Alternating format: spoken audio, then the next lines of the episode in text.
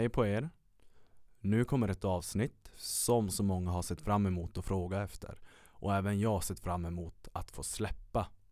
Jag sitter nämligen med min andra kvinnliga gäst och ingen mindre än Kimberly Ahlström. Hon är just nu aktuell, har släppt sin första bok för att senare 2020 släppa sin självbiografi. Hennes CV är megalångt och det ni också kommer höra är jag helt medveten om i det här avsnittet. Att Kimberlys energi och allt hon har fått gått igenom och rest sig uppifrån det smittar verkligen av sig. Kanske världens mest positiva tjej. Hon är egenföretagare och det hon ger sig fan på att göra, det lyckas hon också med att göra. Hur inspirerande avsnitt som helst och jag hoppas att ni kommer gilla det här. God jul på er där ute. Ha det bra, ta hand om varandra. Varsågoda. Shining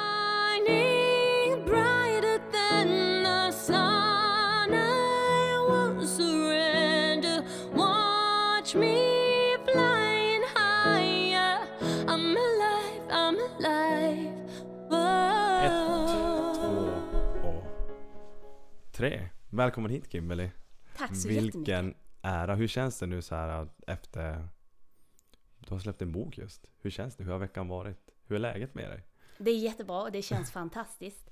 Eh, och som du säger, jag har precis släppt en bok. Eh, och det är ju någonting som jag har drömt om väldigt många år. Och nu är jag äntligen här. Så att det känns fantastiskt. Jag har jättemycket att göra. Jag åker på bokturné nu i veckan. Imorgon faktiskt. Sätter den igång. Så det ska bli jättehärligt. Och Kiruna har mottagit mig väldigt väl denna veckan med releasefest och Precis. Eh, den här boken, jag har ju skummat igenom den och det berör ju något så oerhört. Som sagt, tårögd när jag bara Mm. efter 30 sidor. Hur är det, hur har det gått att skriva den här boken? Alltså den här boken, 121 tidlösa dikter, den har egentligen framkommit eh, som en biprodukt till den produkten som jag kommer släppa nästa år, det, det vill säga min biografi.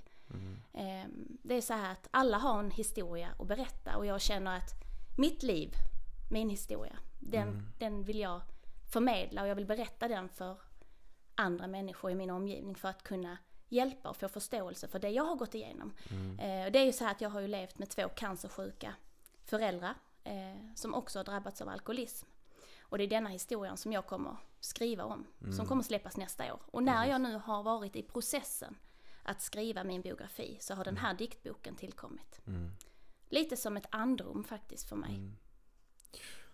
Som ni hör, Kimberly är jävligt driven. Men kan vi inte gå in på vad gör du idag? För vet, man vet ju inte vart man ska kategorisera dig. Nej, Låt höra vad du det- gör det- idag. Det är jättesvårt ibland när man, när man ska få den frågan. För jag gör ju väldigt många olika saker. Mm. Som har en sak, men jag har en sak gemensamt med dem. Jag gör det som jag älskar och det jag brinner för. Mm. Eh, och det är ju bland annat att jag skriver, jag målar, jag är konstnär Mm. eh, på heltid.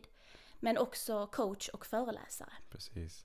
Så att jag, jag gör saker eh, som allt egentligen har en kreativ ådra, kan man säga. Mm. Och när, när, hur länge har du varit som egen så att säga? För du har ju varit butikschef tidigare och... Precis, jag har haft många jobb där jag har varit ledare. Ja. Ehm, Så att, och i olika branscher. Allt ifrån optikbranschen till kosmetikbranschen och smyckesbranschen. Så restaurang också såklart. Men, ja, typ alla branscher. Men jag, jag startade upp mitt företag 2013. Och det gjorde jag- det heter Konst mot cancer Sverige. Och det är ett företag som jag startade för att göra skillnad för de som har sjuka cancer. Så syftet med att starta eget från början, det var egentligen bara för att kunna bidra med pengar till forskning. Okej. Så att det var egentligen bara som en grej vid sidan av mitt jobb.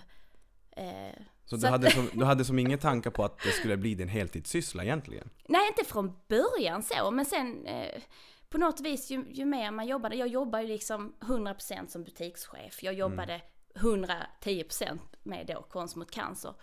Eh, och så var jag mamma också, för jag är ju mamma också.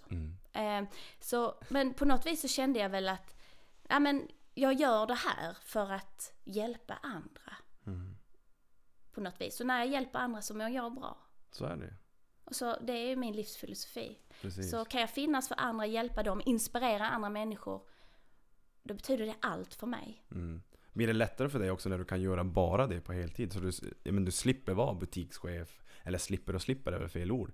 Men att du kan ägna all din vakna tid till just dina egna projekt. Du får bara jobba. absolut, absolut. Och det... Många är ju rädda för att komma ut Mm. eh, direkt liksom i... Eh, alltså man ska säga... Folk som startar eget är rädda att släppa någonting annat. Mm. Man vill liksom inte gå direkt in på det egna företaget utan man kanske jobbar lite sidan om för att få inkomst och sådär. Och det är inte fel, jag har också gjort det. Eh, men på något vis så kände jag efter några år att jag måste lägga fokus helt och hållet på mitt eget. För om jag tror på mig själv och tror på mitt företag och det jag gör, då kan det bara växa och bli större och större. Och så är det ju också, att det börjar ju med konsten och sen har det liksom vidareutvecklats. Så jag har hittat mig själv också under de här åren. Vad vill jag göra? Precis. Och så har jag aldrig varit rädd att prova nya saker. Och det skulle jag vilja säga till alla de som hör detta. att Var inte rädd att prova nya saker. Testa, gillar ni inte det, okej, då har ni i alla fall försökt. Och ni går inte och lägger energi på att tänka på hur skulle det vara eller hur hade jag tyckt att det var. Nej precis. Mm. Och på tal om din konst, jag har faktiskt, du har ju varit med i Halv åtta hos mig Ja, i TV. stämmer. Och det, den tavlan du hade i programmet har jag faktiskt i det här huset. Ja, det vet jag om. Du vet om det? Men jag vet inte att du har det i detta huset, men jag vet om att du har köpt Ja en precis, ja, jag fick den av min mor så att det här Ja. måste du ha, det är Kimberleys Ja. såklart. Ja men vad härligt. Jo, Jag jag, tänkte- vet precis vilken det är. Ja, Jo. jag tänkte nu, jag jag chockar dig, överraskar dig ifall du inte visste. Nej du, jag har koll. Du har koll. det låter bra, men ehm, kan vi inte ta lite om, om din liksom, bakgrund? Du, du kommer ju inte från Kiruna, du är från Trelleborg i grund och botten. Så är det. Hur har ditt liv varit i uppväxten? Jag är ju född i Trelleborg och Trelleborg är ju Sveriges sydligaste stad. Många säger att det är Ystad, men jag stolt Trelleborgare säger att nej, det är Trelleborg som är längst ner i vårt avlånga land. Ehm, och jag är ju född och uppvuxen där eh, tillsammans med en mamma och en mormor. Faktiskt. Ehm, när jag var liten så ehm, fanns aldrig min pappa där. Jag visste inte vem min pappa var. Och när jag blev tillräckligt gammal för att fråga min mamma, var är min pappa? Eh, så fick jag alltid höra att han finns inte. Och när man är litet barn så har man ju flera frågor och man, tänk, man ställer dem rakt ut. Och när hon säger att han finns inte så frågar jag, men, men vadå finns inte? Är han död? Och då säger hon att han var sjöman och han eh, har omkommit i Söderhavet. Och när man är så litet barn så tror man på allt. Så när mina dagiskompisar frågade mig, men Kimberly, var är din pappa? Han kommer aldrig att hämta dig. Och då sa jag, nej, han var sjöman och han har dött. Han, han är i Söderhavet. Någon gång ska jag åka dit. Ehm, för att liksom säga farväl eller säga hej. Ehm, så att den sanningen levde med mig i väldigt många år tills jag förstod väl när jag blev lite äldre att nej men är det verkligen så här? Ehm, men på något vis så levde jag in i det och sen så har jag inte sökt så desto mer Nej. efter min pappa. För jag hade ju mina föräldrar. Men han har levt hela tiden. Han, det kan vi komma in på för det är nämligen så här att flera år senare när jag flyttat till Kiruna Mm. då, då uppdagas saker. Men det, det Okej. kommer vi in på senare i Mm. detta avsnitt. Men eh, som sagt, jag har levt med en mamma och en mormor. Mm. Eh, och eh, det är så här när min mamma eh, precis hade fyllt 40 år, då är jag fem. Detta är 1994. Mm. Då drabbas min mamma av cancer. Ehm, och det var ju inte någonting som man visste riktigt, vad är det för någonting? Mamma är sjuk. Ehm, men jag glömmer aldrig den dagen då mamma har varit på sjukhuset eh, och de säger att de ska operera henne och ta bort en bit av hennes näsa. För det var så här att min mamma fick cancer i ansiktet. Hon fick en elakartad tumör i näsan. Vilket man först inte visste om att det var en tumör. Eh, de trodde det var en polyp. Och det är någonting helt annat. Så att cancern har ju, har ju nu, 1994, uppdagats i hennes ansikte. Och de eh, fattar ett beslut att vi måste ta bort en liten del av näsan. Och då gjorde de det. Ehm, men det räckte inte, för den kom tillbaka. Så det, det slutade med att min mamma förlorade hela sin näsa. Man kunde ta sin knytnäve och knyta den hårt och så kan man stoppa den rakt in i ansiktet. Mamma hade ett stort hål. Man kunde se tandrötterna, man kunde se ner i halsen. Ehm, det var... Ja, det är någonting jag aldrig glömmer. Ehm, när hon kommer från sjukhuset. Och jag har ju också varit väldigt mycket, ofta på sjukhuset. Fler, än, fler gånger än många andra Mm. barn. Ehm, Så jag är ganska less på sjukhus faktiskt. Men eh, den dagen mamma kom hem efter att ha varit på sjukhus. eh, Då kan jag minnas mig själv. Jag hade sov på ovanvåningen. Vi hade tvåplanshus. Och jag sov på ovanvåningen. Jag hörde att mamma var på väg. Så jag klättrade ner för trappan. Och så hade vi såna här, eh, vad, kallas det? Spaljéer. Ja, och jag låtsades inte vara vaken så att jag smög ner för trappan och tittade ner när dörren öppnades och jag såg mamma komma in med ett plåster för ansiktet. Och då var jag ju inte gammal. Då var jag kanske sex år. Men jag minns det såklart. Och det jag gjorde, det var att jag smög upp igen och låtsades som inget. Men sen har det ju varit en tuff resa. Mm. Har det varit. Varför låtsades du som ingenting? Eh, det var väl för att man var så uppe i känslor, man visste inte Mm. eh, vad, hur man skulle hantera det helt enkelt. Så att jag gick upp och la mig och sova och sen vaknade dagen efter som att allt var som vanligt. Mm. Man, man låste väl in sina känslor tror jag. Hur gammal var du just när det här hände? Detta är ju, då är vi inne på 95. Så då är Ja, jag bara sex år sex gammal. år Jag är ju född 89. Så att, men sen blev det ju mer och mer att ens kompisar i skolan pekar ju på mamma. Och många, många, jag blev ju cancernäsans barn på något vis. Alla visste vem min mamma var Mm. i stan. Och det var ju inte konstigt Nej. kan jag säga, tänka idag. För att när man förlorar en så stor del av sitt ansikte så förlorar man också en stor del av sin, identitet. Och man på något vis skapar sig en ny identitet för, för människor man inte känner. Så att det blev ju som att hon blev cancernäsan. Är Trelleborg så här lite som Kiruna? Det är ganska det är litet och liksom folk alla känner, alla till exempel. Och, Trelleborg har 40 000 invånare ungefär. Eh, och ja, jag skulle säga alla känner alla på, på ett eller annat sätt. Det är ju en liten stad, den är inte så stor. Den är ju dubbelt så stor som Kiruna. Men det är ändå att folk känner ju till en. Precis. Och framförallt om, om man har en sjukdom som syns på detta sättet. Det är ju många som har sjukdomar som inte syns. Mm. Men detta blev så tydligt. Eh, att hon var sjuk. Och mamma har ju kämpat med cancer i över 20 års tid. Mm. Hon har ju inte bara haft cancer i ansiktet utan hon har ju fått cancer i andra delar av kroppen också. Hur har det gått när de, när de fick bort näsan? Kunde de stoppa det helt då? Vart hon, vart hon friskförklarad när de fick bort näsan? Alltså min mamma har väl egentligen aldrig riktigt varit friskförklarad så. Men tittar man i journaler och sådär så står det väl att de har fått bort det. Men det är ju så här med cancer att det är ju det är bara en benämning på 200 olika sjukdomar, cancer. Och även fall man blir frisk så finns det alltid en rädsla. Både av de som är insjukna men också av de som är anhöriga. Att den ska komma tillbaka. Och det är ju någonting som man inte riktigt vet. Så är det. Sen finns det de som lever med kronisk cancer. Att man blir aldrig frisk för den kommer igen. Och min mamma var ju så här, hon fick ju cancer på andra ställen i kroppen. Eh, och även min mormor som jag levde med insjuknade i cancer. Min mormor fick bröstcancer. Eh, så att hon, hon har ju också levt med cancer. Är du rädd att det ska gå vidare i släkten? Fått känner, du dig, jag- känner du dig frisk? Jag känner mig frisk. Mm. Eh, och jag är faktiskt jättetacksam att jag har så många fina människor runt omkring mig och att jag har valt att eh, eh, på något vis att inte känna rädsla Nej, i att precis. bli sjuk. Nej. Eh, jag träffade faktiskt ehm, eh, en eh, person som har jobbat för, eh, som forskare för Barncancerfonden. Jag har ju suttit med i styrelsen för Barncancerfonden Norra för något år sedan. Innan jag flyttade tillbaka till södra Sverige. Mm. Och då satt jag, han var min bordsherre, vi satt på en middag. Och då pratade vi just om detta om rädslor. Och han sa till mig, Kimberly, bara så du vet en sak, var aldrig rädd.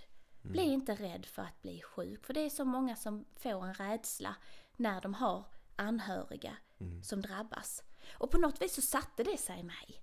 Att han sa så till mig, att gå inte omkring, lev nu. Och det är lite som Miss Li nu, jag hade henne på, på eh, Spotify-listan nu när jag eh, körde hit faktiskt. Lev nu, dö sen. Mm. Och det är så jäkla rätt, för det är ju faktiskt så. Vi ska leva nu, vi ska dö sen. Mm. Och det är en del av livet. Så att försök att ta varje dag och gör den till det bästa. Och det känner man ju också, bara du kommer in i det här huset, man känner ju liksom Det är något som händer här inne Nej, och nej. man, man kan ju inte Jag vet inte, jag, jag kan inte ens tänka mig att se dig bråka, vara arg liksom Nej, alltså det, Alltså det, liksom din aura, din, din eh, liksom energi, det sprider sig ut med väggarna så nu, jag hoppas det här liksom stannar Men- nu ett tag också när du lämnar det här wow, huset ja men så, ja. man Annars får vi komma och spela in ett avsnitt till. Ja. Nej men vad härligt, ja men så, vad glad. men jag är ju också så här, man vill ju man vill ju sprida såklart Mm. positiv energi och man vill kunna liksom Man vill inte vara den där tråkiga som går runt och ser sur ut utan man vill ju hjälpa andra.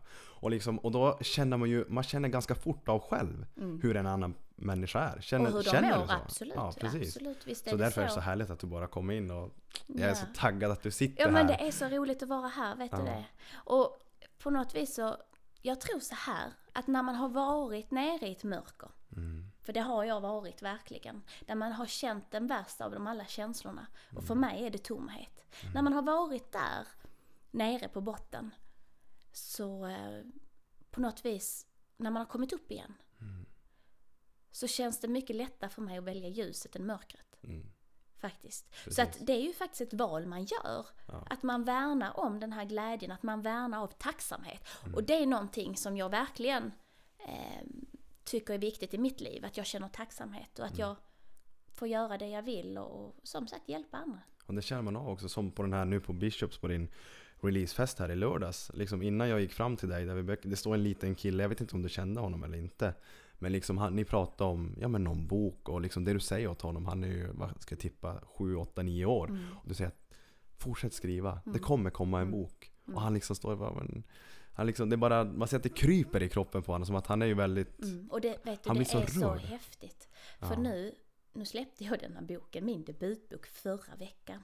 mm, Och just att det är barn som kommer fram till mig ja, och pratar med mig. Det här, den här killen som kom fram, Mm. eh, jag känner hans pappa men jag känner inte honom. mm, Ehm, liknande hände i bokhandeln faktiskt. Där kom en tjej, hon går femman.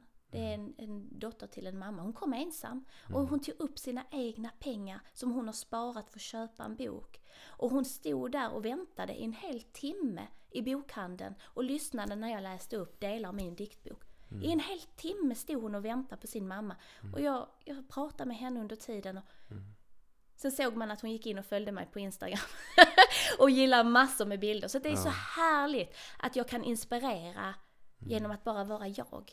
Ja, och det, det känner man ju också när du står där. Jag, alltså att, hur mycket det ger för dem att du som faktiskt står här som eh, har släppt den här boken och bara kom igen, kämpa. Alltså det, man tänker själv när man spelar hockey, det kommer någon från A-laget och bara kom igen, träna hårt, du fixar det här. Mm. Alltså det, det finns ju inget ord på hur mycket man lyfts. Och det är så starkt, man känner ju det av på dig också. Du vill ju vara där, du vill göra en förändring. Mm. Det är klart du jag vill vara där och hjälpa. andra. Ja. Kan jag hjälpa andra liksom? För alla fastnar ibland. Mm. Det är så. Och jag kommer ju aldrig glömma min mamma. När hon blev sjuk så sa hon bara en sak Kimberly. Jag, jag ska leva. Jag ska leva tills du är 18 år Kimberly klara dig själv. Och det är på något vis, det var hennes motor. Jag. Jag fanns där för henne och jag hjälpte henne jättemycket. Så att hon, alltså jag vet hur viktigt det är att finnas för andra. För alla fastnar. Vi får liksom hinder framför oss som vi tror är helt omöjliga att ta oss förbi. Men det är inte omöjligt. Verkligen jag säger, inte. allt är möjligt, bara du vill det. Och det är faktiskt sanningen det. Allt är möjligt. Och jag fastnar ju också ibland. Jag kan säga det att jag trodde inte att det var så komplicerat att släppa en bok i egen regi som jag har gjort nu. Jag tänkte, jag skriver en bok, jag skickar in den på tryck, kontaktar några personer och så får jag ut den. Herregud, det här var ju någonting helt annat. Hur är proceduren? Är det dyrt att släppa en bok? Ja, alltså det kostar ju pengar att släppa Ja. i egen regi. Jag släpper ju den här boken i eget förlag. Ja. Så att jag, jag är ju liksom, har ju inte sökt mig till något förlag. Ehm, och för, för mig så är det positivt för det innebär att av all försäljning av boken så får jag ju större delen av kakan. Men mitt mål med detta det är ju att den här boken ska ju bekosta sen mina andra böcker som kommer nästa år. men precis. men det, det är klart att det kostar.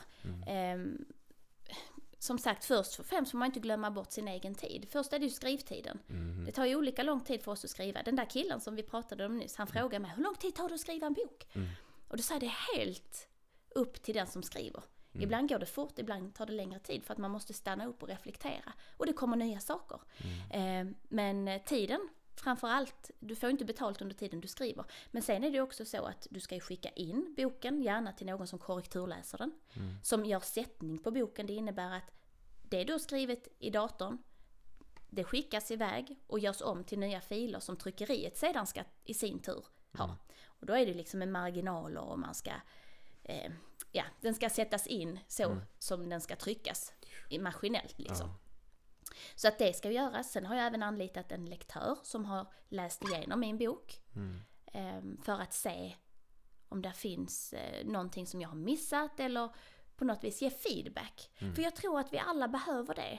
Ehm, och jag är jätteglad att jag har anlitat min lektör då, Jenny Unga. Hon är från Kiruna från början. eh, Men bor i Stockholm nu. För att hon har kunnat läsa det här och sagt hur menar du i denna dikten? Ibland så är det ju lätt när man sitter och skriver att man flyttar perspektiv och tidszoner och så. Och då kan det vara bra att någon säger menar du så här? För då måste du bara ändra det här han till kanske jag eller du. Så att jättebra att ha någon annan att gå igenom boken. Mm. Eh, Men det kostar såklart. Så är det. Sen väljer jag ju hur många böcker jag vill trycka upp i första Mm. upplaga. Eh, och sen är det som sagt, jag har ett tryckeri som är ganska snabba eh, att trycka böcker. Så att jag behöver ju inte liksom trycka upp hur mycket som helst. Men sen så tycker jag ändå väl att man ska trycka upp ändå mer än vad man tror sig sälja liksom för, för att man ska pusha sig själv. Precis. Eh, så att Ändå en utmaning. det, alltså absolut. Visst är det det. Och jag menar, jag, jag har ju mig själv att skylla om det inte går bra. Ja men det blir lite Så, så. så, att, så att man jobbar ju, det är, det är lite kul faktiskt när man är egen och, och gör, släpper en produkt på detta sättet. Eh, för att all försäljning, det är ju, det, vad jag gör, det är ju det som genererar till om jag når ett bra resultat eller inte. Precis. Mm. Ska vi ta någon dikt ur boken? Jag vet att du var sugen att ta upp någon, eller vill Ja. du ha det i senare sammanhang? Vi ska se här. Ehm, det var ju så här, jag kan ju läsa upp en dikt ehm, som vi ska se här. Eh, jag ska bara se om jag hittar den här. Vi kan börja med... Jag ska kolla här. Det är 121 dikter så att det är... Precis, vi båda, vi båda vi, sitter med varsin bok här i... vi sitter här med varsin bok, absolut. Men jag tänkte om jag skulle hitta den där. Vilken var vi på här sida? eh, sidan 17. Sidan Och den heter Cancernäsan. Eh, och så här är det att eh, både mamma och mormor var ju sjuka i cancer. Och år 2007, då gick jag andra året på gymnasiet. Detta var året mormor dog av sin bröstcancer. Och det var ett av de tuffaste åren faktiskt i mitt liv. För de drack också alkohol. Ehm, och när mormor dog eh, då, i 2007 på våren, så eh, fick vi ett samtal, eller jag fick ett samtal på den en morgon. Det var en granne som bor längre ner på vår gata. Eller på vår gata där jag bodde. Och han ringer till mig och säger att Kimberly, gå ut utanför ditt hus. Det är någon som har klottrat på er vägg. Och vi, vi bodde i ett vitt hus. Och någon hade alltså klottrat med en svart sprayflaska på hela vår husfasad. Han sa inte vad de hade klottrat. Eh, men eh, jag tänkte, det ska jag läsa upp för er här nu. Det var en vårdag. Ett samtal ringde. En granne hade sett, precis som många andra, det som skett. Jag stod i köket med luren i mitt öra, chockad av orden jag fick höra. Be din mamma stanna inne. Mamma, mamma gå inte ut. Jag ska bara checka in det. Checka in vad som skett. Vad som skrivits i text på vår vita husvägg. Cancer, stod det skrivet på vår vita fasad. En vidrig text om vem som i huset bodde. Cancernäsan bor här. Text i svart på vår vägg. Cancernäsan var min mamma. som med sjukdomen fick leva utan näsa och med mindre skinn på benen. Så denna dikten, den berättar precis vad som hände. Någon hade skrivit cancer och cancernäsan bor här. På hela vår vita vägg. Och det var det vidrigaste jag någonsin har varit med om. Jag kontaktade tidningen och jag tänkte nu får vi få bort detta. Men mamma drack också och det var ju så här, hon hade inte så mycket pengar. Och nu hade mormor gått bort och mormor hade inga pengar. Så att hon kunde inte bara ringa en saneringsfirma som kom dit och bara tog bort det. Utan det här, de här orden, den här texten, den fick vara på vår vägg i flera dagar. Och då bodde vi vid en väg som var ganska trafikerad. Mm. Så att väldigt många såg det och min mamma gick inte ut. Hon valde att inte gå ut på alla de här dagarna. Och jag förstår det. Visste hon vad som stod där? Ja, det visste hon. För det är klart att hon gick ut. Mm. Men är hennes hus. Det är klart man vill veta. Vad är det som har hänt? Mm. Men jag ville inte hon skulle veta. För jag tyckte det var att kränka en annan person på detta sättet, en människa som inte har valt att bli sjuk. Mm. Det finns inget vidare att göra det. Och jag vet ju allt hon har gått igenom. Jag har stått bredvid hennes sida i alla år. Och så förlorar hon sin mamma. Också i cancer. Och så tar någon sig friheten att skriva det. Och faktiskt cancernäsan bor här. Mm. Det var ju liksom direkt anklagande och direkt attackerande. Jag har aldrig varit med om något liknande faktiskt. Jag, jag, jag kan inte ens minnas att man har... Det, är- det är så sjukt jobbigt att höra. Eh, man, man målar ju bara upp sin eget. Tänk om det var min mamma. Mm. Och eh, det går inte att förstå heller vad du har gått igenom när, när, när sånt här kommer upp. Liksom. Hur, hur jävla vidrigt det är. Mm. Nej men det är ju det. Mm. Och då kan vi också tillägga att både jag och min mamma, vi var ju i sorg. Vi hade ju förlorat mormor. Mm. Hon har ju precis gått bort i cancer. Och så får man detta uppsmält i ansiktet. Det var sjukt. Så att i den här boken, alla dikter har en anknytning till mitt liv. Mm. Och detta berättar ju mer om i biografin också, vad som har hänt och allting. Precis. Steg för steg. Men detta är ju bara en liten del av allt som vi har upplevt och allt som jag har gått igenom. Mm. Men det känns på något vis väldigt viktigt för mig att ta upp detta. Och väldigt viktigt för mig att få ner det i skrift. Mm. För att det skapar, som du säger, bilder och tankar i oss människor. Mm. Ja, det gör det till och med hos mig. Mm. Och, och nu är inte jag den inblandade. Nej, precis. Det Men, det, men det hjälper ju oss och det är det jag tycker är så härligt med skrivandet. Och även när jag målar, att man kan på något vis, man skapar bilder i olika former. mm. Vilket också får oss att fundera. Hur är jag som människa? Vad är viktigt för mig? Och som du säger att du tänker om någon hade gjort så mot min mamma. Det kanske får dig en tanke på att man älskar sin mamma eller man älskar sin pappa. Man Precis. vill värna om de människor man har så länge man lever nu. För dö ska vi göra sen. Mm. Så verkligen tillbaka till det. Så ja, det var 2007 detta inträffade. Och, och du har ju med dig, vi, Kimberly sitter här med sin Pippi-väska, sin to-go-to-väska som hon har med sig på Mm. föreläsningar och eh, kan vi titta på näsan? Absolut. Det är Ja, ju jag, så här. vill, jag vill hålla den i... Det är så här att jag har ju, när jag är ute och föreläser, jag kör en föreläsning nu faktiskt som heter Cancernäsan bor här. Och det kommer även vara namnet på boken som kommer nästa år. Ehm, och där berättar jag min historia. Från det att jag var liten, från det att mamma fick sin cancerdiagnos tills det att där jag är idag. Och i min väska, jag har en Pippi Långstrump-väska faktiskt med mig här idag. Eh, Det är en röd väska med Pippi på framsidan. Eh, Den fick jag faktiskt när jag var ett barn. Och den är lika gammal som jag, 30 år. Den har jag fyllt med massa olika saker, minnen. Eh, Den har bland annat mammas peruk. Jag kan ta upp och visa dig lite grann vad jag har i väskan, för du vet ju inte allt. Nej, jag vet ju inte det. Och det... Mamma fick en peruk eh, för att hon skulle tappa allt hår. Mamma var väldigt ödmjuk. Precis som jag. Men hon hade en annan svaghet. Och det var att hon inte riktigt vågade säga vad hon tyckte och tänkte. Så var det någonting som hon inte var nöjd med så höll hon gärna det för sig själv. Så hon tackade bara ja när folk ville hjälpa henne i form av då att ta fram en peruk. Ehm, så sa de denna här blir fin på dig. Och då sa hon liksom inte någonting mer än okej, tack.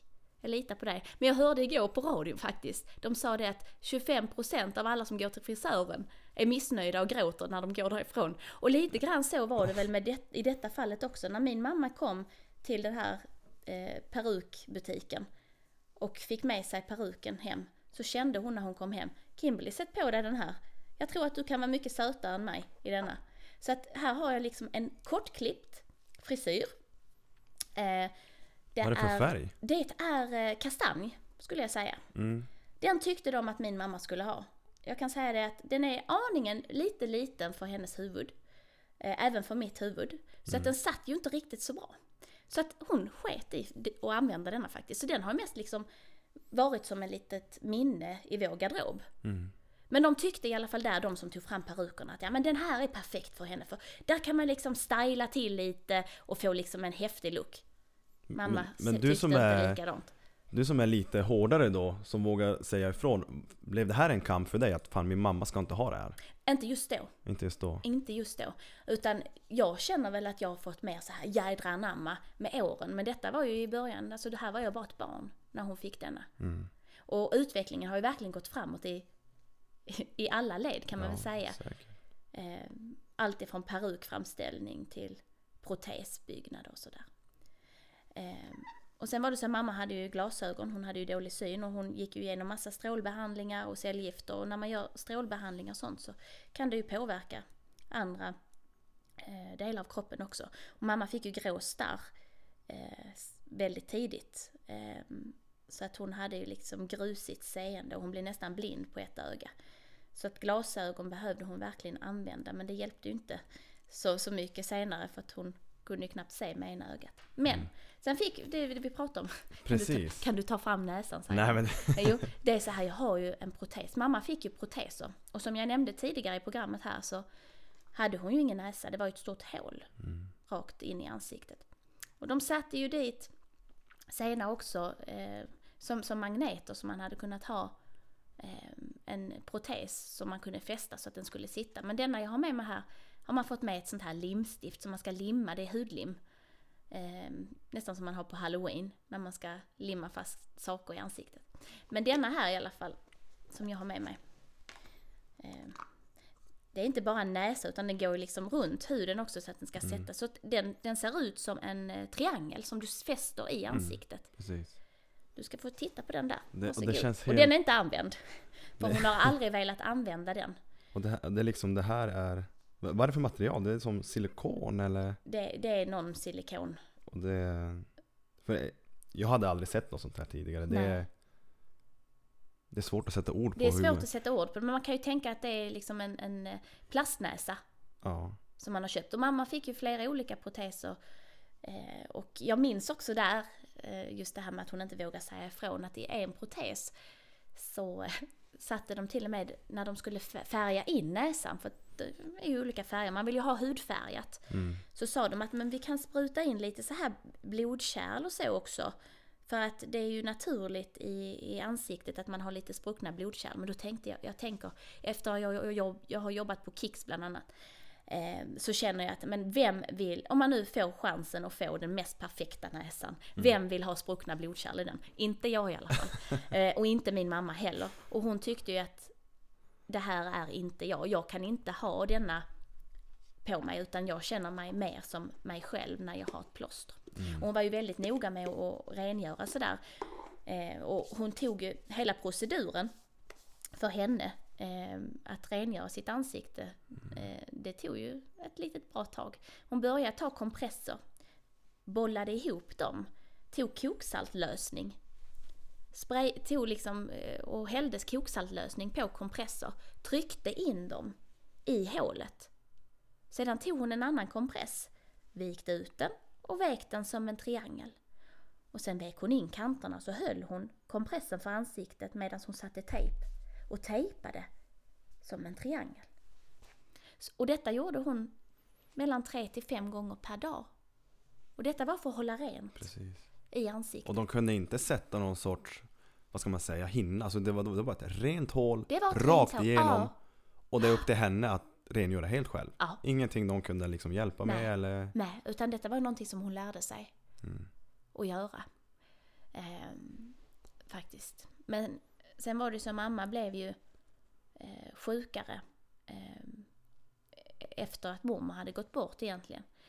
Och då upptäckte de att hon eh, har någonting i magen, men de kunde inte säga vad det var. Men det låg i närheten av bukspottkörteln. Mm. Och då var det ju så här att de sa att vi tror att det kan vara en tumör men vi kan inte svara på det. För vi kan inte se det på kameror och vi kan inte ens se det när vi går ner med en kamera i magen. Mm. Men det är någonting och eftersom att du har haft cancer tidigare i andra delar av kroppen så eh, är det, är det liksom det vi rekommenderar dig är det att vi gör en operation. Och då gör man en Whipples operation kallas det. Då öppnar man upp och så, ja det är en jättekomplicerad operation. Man tar bort organ och så placerar man om. Mm. Ehm, och bara göra den operationen är ju en stor risk. Mm. Det är ju en procent som inte klarar av den här operationen som går bort efter ett antal år. Ehm, Så mamma då, hon valde ju att göra operationen. Ehm, Och hon får, det är ju så här när man är närstående så är det ju upp, alltid upp till den som är sjuk att välja vad man vill göra. Mm, precis. Så är det. Och ibland vill man inte acceptera vissa saker och sådär. Och jag, jag var ju helt med på hennes plan här att nej men vi ska operera. För jag ville ju att är det en, en bukspottkörtelcancer så kan det gå väldigt fort. Då finns hon inte kanske i magen. Mm. Och vi visste ju inte. Men de gjorde en operation. Ehm, och det visade sig att det var ingen elakartad tumör. Så det som hände var att vi ökade hennes risk att gå bort för tidigt. Men å andra sidan så hade vi ju aldrig vetat vad det var om vi inte Mm. hade gjort en operation eller de inte hade opererat det. Det är så sjukt kluvet läge. Alltså det handlar om Mm. din mammas liv. Och liksom, näst, det är ju liv eller död. Ja, Och hur, hur ska du veta vad som är rätt? nej. Då, man måste, då måste man på något sätt efter det här då börja bearbeta det. Okej, nu får vi liksom göra det bästa av situationen efter den här magoperationen. Absolut. Då måste man, det blir som ett, vad ska man säga, det blir som shit nu blir det jobbigt, okej vi får hoppas, okej det var bara godartat. Men då blir det jobbigare igen. Mm. För då har man gjort det som i onödan. Mm. Så hel, det känns som att det hela tiden Det är så svårt, man försöker tänka sig in och liksom hur Hur man själv hade gjort och det du har fått gå Mm. igenom Mm. Och du kan sitta här och le idag Mm. det är så sjukt jävla starkt och, och jag vet inte hur Ja som sagt jag sitter bara här med bilderna Det, det är så att liksom Man får knappt ord fram Mm. Det är så himla, men just det där också som För hur många år fick hon efter att hon hade opererat magen? Hon fick cirka två år. Det gick så fort. Mm. Och det som hände var att hon tappade ju matlust. Hon ville ju inte äta så att hon hon gick ner jättemycket i vikt. Och tynade bort. Och sen nu när jag har skrivit min biografi så har jag gått igenom mammas sista levnadsdygn. Och det kommer jag skriva om i boken också, man får följa med steg för steg. Och det visar sig att min mamma drabbades bland annat av en lunginflammation. Och det gjorde att hon klarade inte det längre. Mm. Och jag glömmer aldrig, det var den 18 augusti. Då befann jag mig i Kiruna. Och eh, jag fick ett samtal på morgonen. Och jag kände direkt att det här är hemligt nummer. Det är något. Kvällen innan, den 17 augusti, så var mamma inlagd på sjukhus.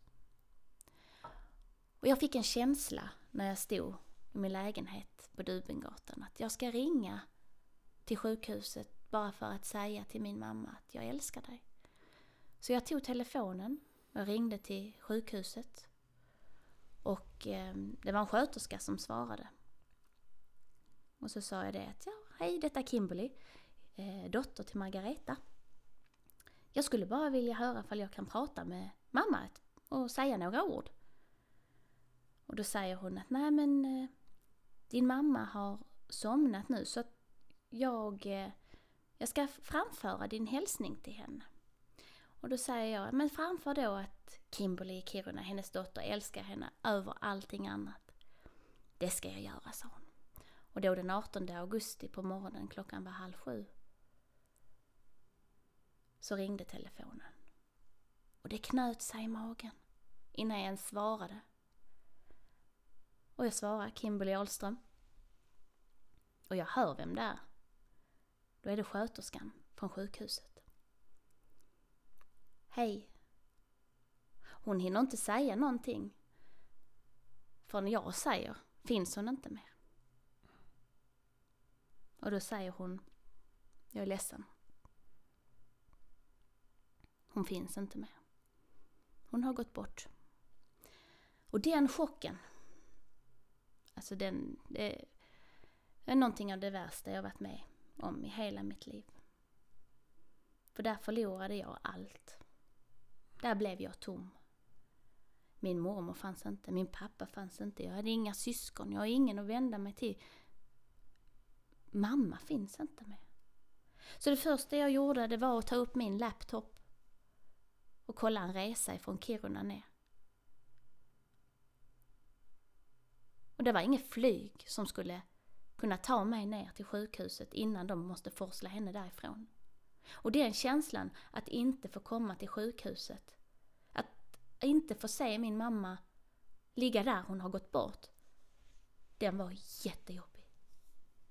Den var så jobbig. Att veta det, att jag kommer inte härifrån. Och min sambo sa till mig att ja, men det är ingen mening du tittar det nu, att de, begravningsbyrån kommer komma och hämta henne och föra henne bort därifrån. Så ta det lugnt. Och då var jag butikschef på en kedja inom optik här i Kiruna. Och jag visste jag hade en jätteviktig arbetsintervju för att jag behövde anställa en person. Och jag hade hittat en person i Kiruna som skulle komma på den här intervjun och jag kände henne måste jag ha. Mm. Jag måste ha henne. Så i chock, för jag var i chock, Mm. så sa jag, ja jag får ta hand om detta sen. Så jag klädde på mig mina kläder, gråtandes. Gick ner från Adolf Hedinsvägen. Och så stannar jag upp. För mina, min blick, den går mot bergen. Och fjället. Och vad är det jag ser? Jo, jag ser en stor regnbåge. Som går över hela fjället. Och jag bara stannar upp och tar in och känner att nu är mamma på väg. Det var som ett tecken. Och det lever så starkt i mig det. Jag gick till jobbet. Och jag låtsades återigen som inget. Jag anställde världens godaste tjej den morgonen. När det var lunch så kände jag nu orkar jag inte mer. Nu måste jag, måste hem. Mm. Så jag gick hem.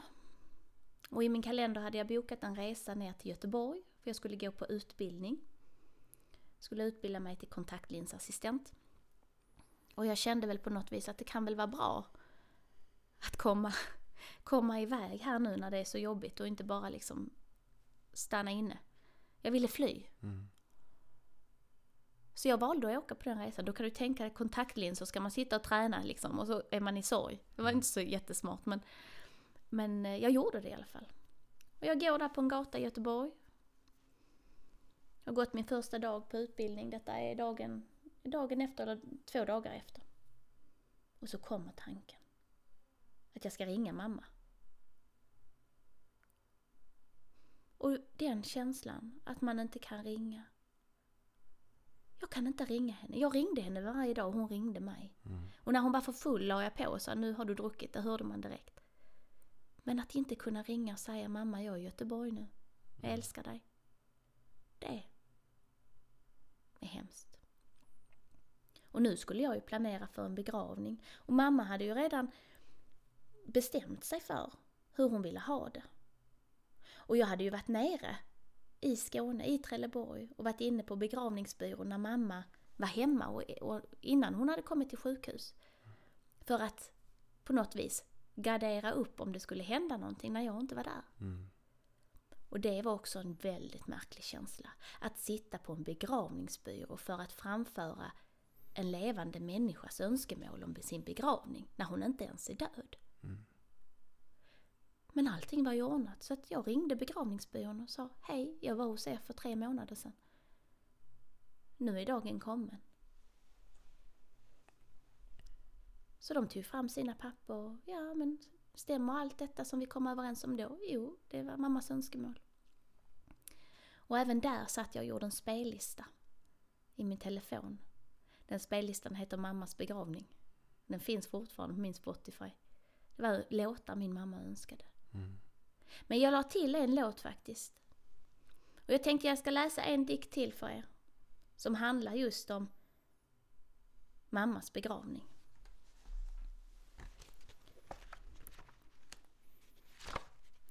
Och den dikten, den finns på sidan 27.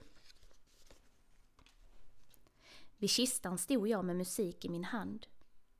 Min klänning var blå med gröna paljetter broderat på.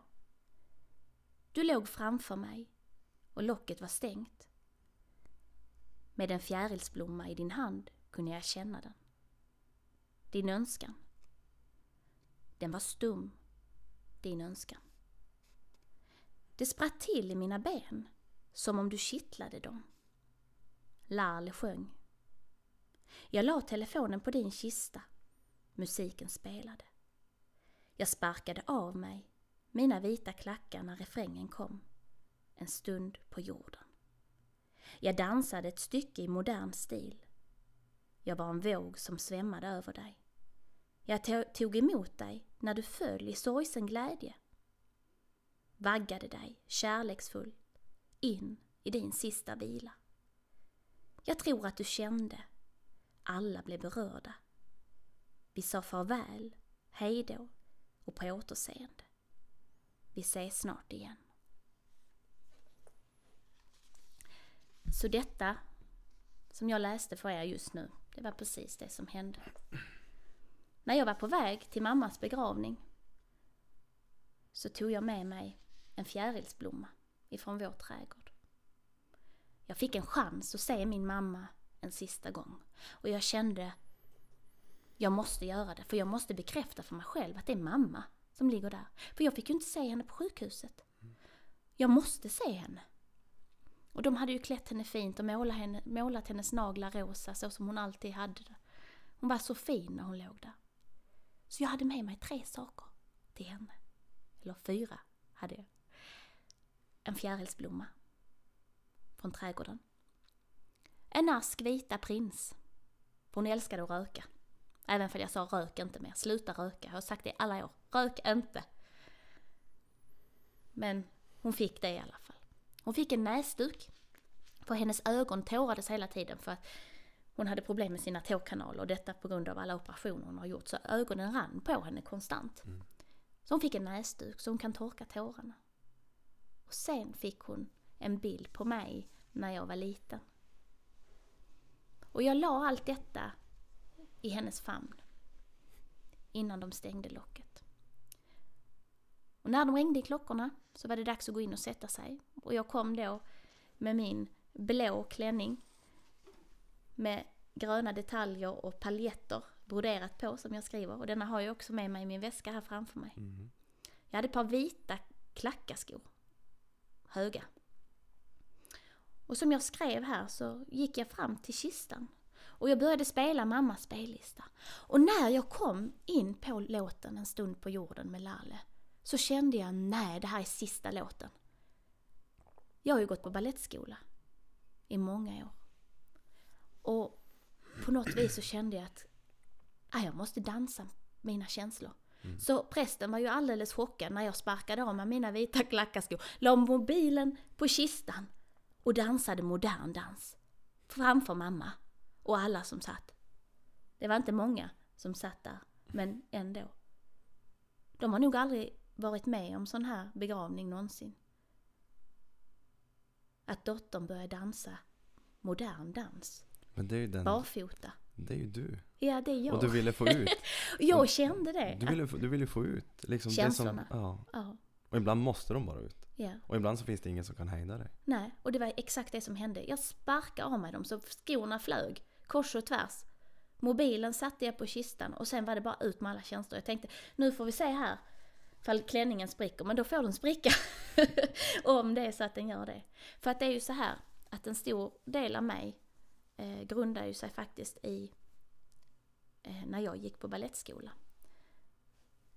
Alla människor som är med om jobbiga saker behöver sätt, hjälpmedel att komma ur det. När jag var nio år, skulle bli tio, så såg min mormor en annons i Sydsvenska Dagbladet faktiskt, en tidning som finns nere i södra Sverige. Att, att de sökte elever till ballettskola. Och mormor sa, det där ska hon söka in till. Och jag tänkte, jaha, tänkte jag. Usch, jag var så nervös. Jag tänkte, jaha, ska jag nu komma in på denna ballettskolan, tänkte jag, som ligger i Malmö, och åka buss varje dag. En och en halv timme dit och en och en halv timme hem. Det var min tanke.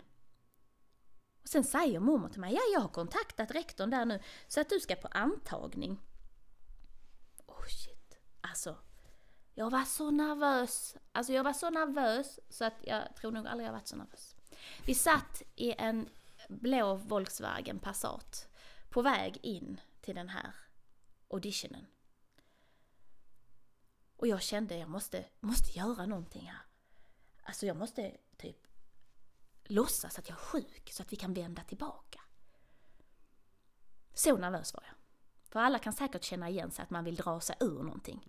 Och jag tänkte, hur ska jag dra mig ur detta? Mormor är en av de starkaste kvinnorna i mitt liv och ingen vågar säga emot henne, jag måste låtsas att jag är sjuk.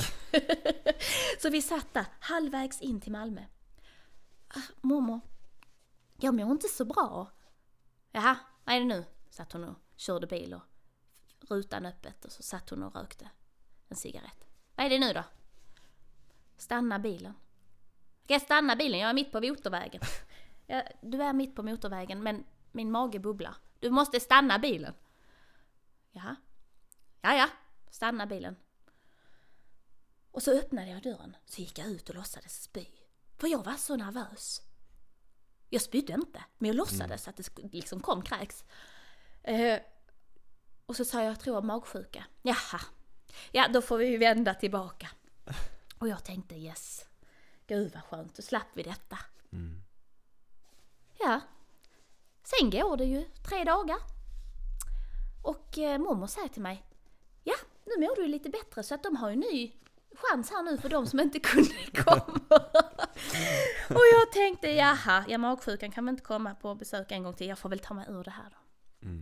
Och det var ju många som sökte in där. Och tror du inte jag kom in? Såklart. Jag kom in på Såklart. Svenska Balettskolan. Och jag tänkte, ja, okej, jag älskar ju dansa så det var ju inte det, men jag var ju alltid nervös. Sådär. För jag hade ju mycket att hantera hemma. Saker som jag aldrig berättade. Just alkoholismen och att de var sjuka. Men sen började jag där. Och jag kände väl mer och mer att det här, det här är bra för mig. För när jag inte mår bra så kan jag ta de här känslorna och få ut det i dansen. Och mina lärare sa alltid, du är alltid så explosiv Kimberly. Det är fantastiskt att se i din dans hur explosiv du är. Det, de- det de inte visste var anledningen till varför jag var explosiv. Det var ju för att jag var arg, jag var ledsen. Det var ju blandade känslor i hela mig. Och jag har ju ett par balettskor med mig här i väskan framför oss här. Och det är ett par tåspetsskor. Det är såna här hårda skor. Jag se Och det? de här har, har jag använt eh, när jag gick på skola. Det var ju många skor man använde såklart för de, det är ju det är som hockey, du har spelat hockey. Det är, man byter utrustning hela tiden och det kostar ju. Nu förstår jag varför man kan stå på tå när man... Ja, det är ju som en eh, jä- järn... Det har man aldrig vetat. Nej, men det som är, man tänker att det är väl inte så svårt om det här är en sån här järngrej. Men det är ju det att fötterna gnider ju mot skon. Så du får ju blåsor. Och alla vet väl när man har fått blåsor, man har varit och vandrat eller så. När blåsorna spricker att det gör ont. Och på något vis så, så hjälpte det mig att när jag fick ont och när jag, mina blåsor på mina tår sprack så dövade det mycket annat. Så på något vis så kände jag att, eller jag kan faktiskt se tillbaka på det idag, människor som har självskadebeteende, varför man faktiskt skadar sig själv för att man ska dämpa någonting annat. Mm. Det är fruktansvärt. Men så kände jag dansen var som ett hjälpmedel för mig där. Mm. Att där kunde jag få ut allt som gjorde ont. Mm. Och även det som gjorde ont dämpade Mm. all den smärtan jag hade. Har, liksom, hur, hur länge har du dansat då? Det var så här att jag kom in där när jag var 9-10 år Mm. och satte då ett mål. Jag visste att det här kommer jag kunna bli någonting i om jag bara kämpar tillräckligt hårt. Mm. Så mitt mål som ung, det var ju att efter mina studier, efter att jag hade dansat och, och gjort klart hela högstadiet, så ska jag komma in i Stockholm på Kungliga Svenska Balettskolan. Mm. Efter det så ska jag bli antagen, så jag ska få ett jobb på kompaniet i Kullbergbaletten. Ett av de största moderna kompanierna vi har. Mm. Och när jag går i pension, ungefär sådär när jag är 35, så ska jag starta mitt ege, egna kompani Mm. och ta in dansare från hela världen. Och göra de mest sjuka uppsättningarna som finns med ljud och ljus och allt. Mm. Det var mitt mål. Och redan som liten hade jag sådana mål. Mm. Det som hände var, det var att jag gick ju dansa sex gånger i veckan. Måndag till lördagar pendlade jag med buss. Mm. Tåg fanns inte då, från Trelleborg till Malmö. Så att jag åkte tre bussar varje dag dit och tre bussar hem.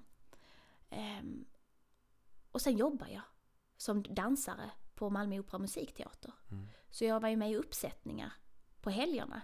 I operor och balletter med Loa Falkman och många andra kända ehm, artister och Mm.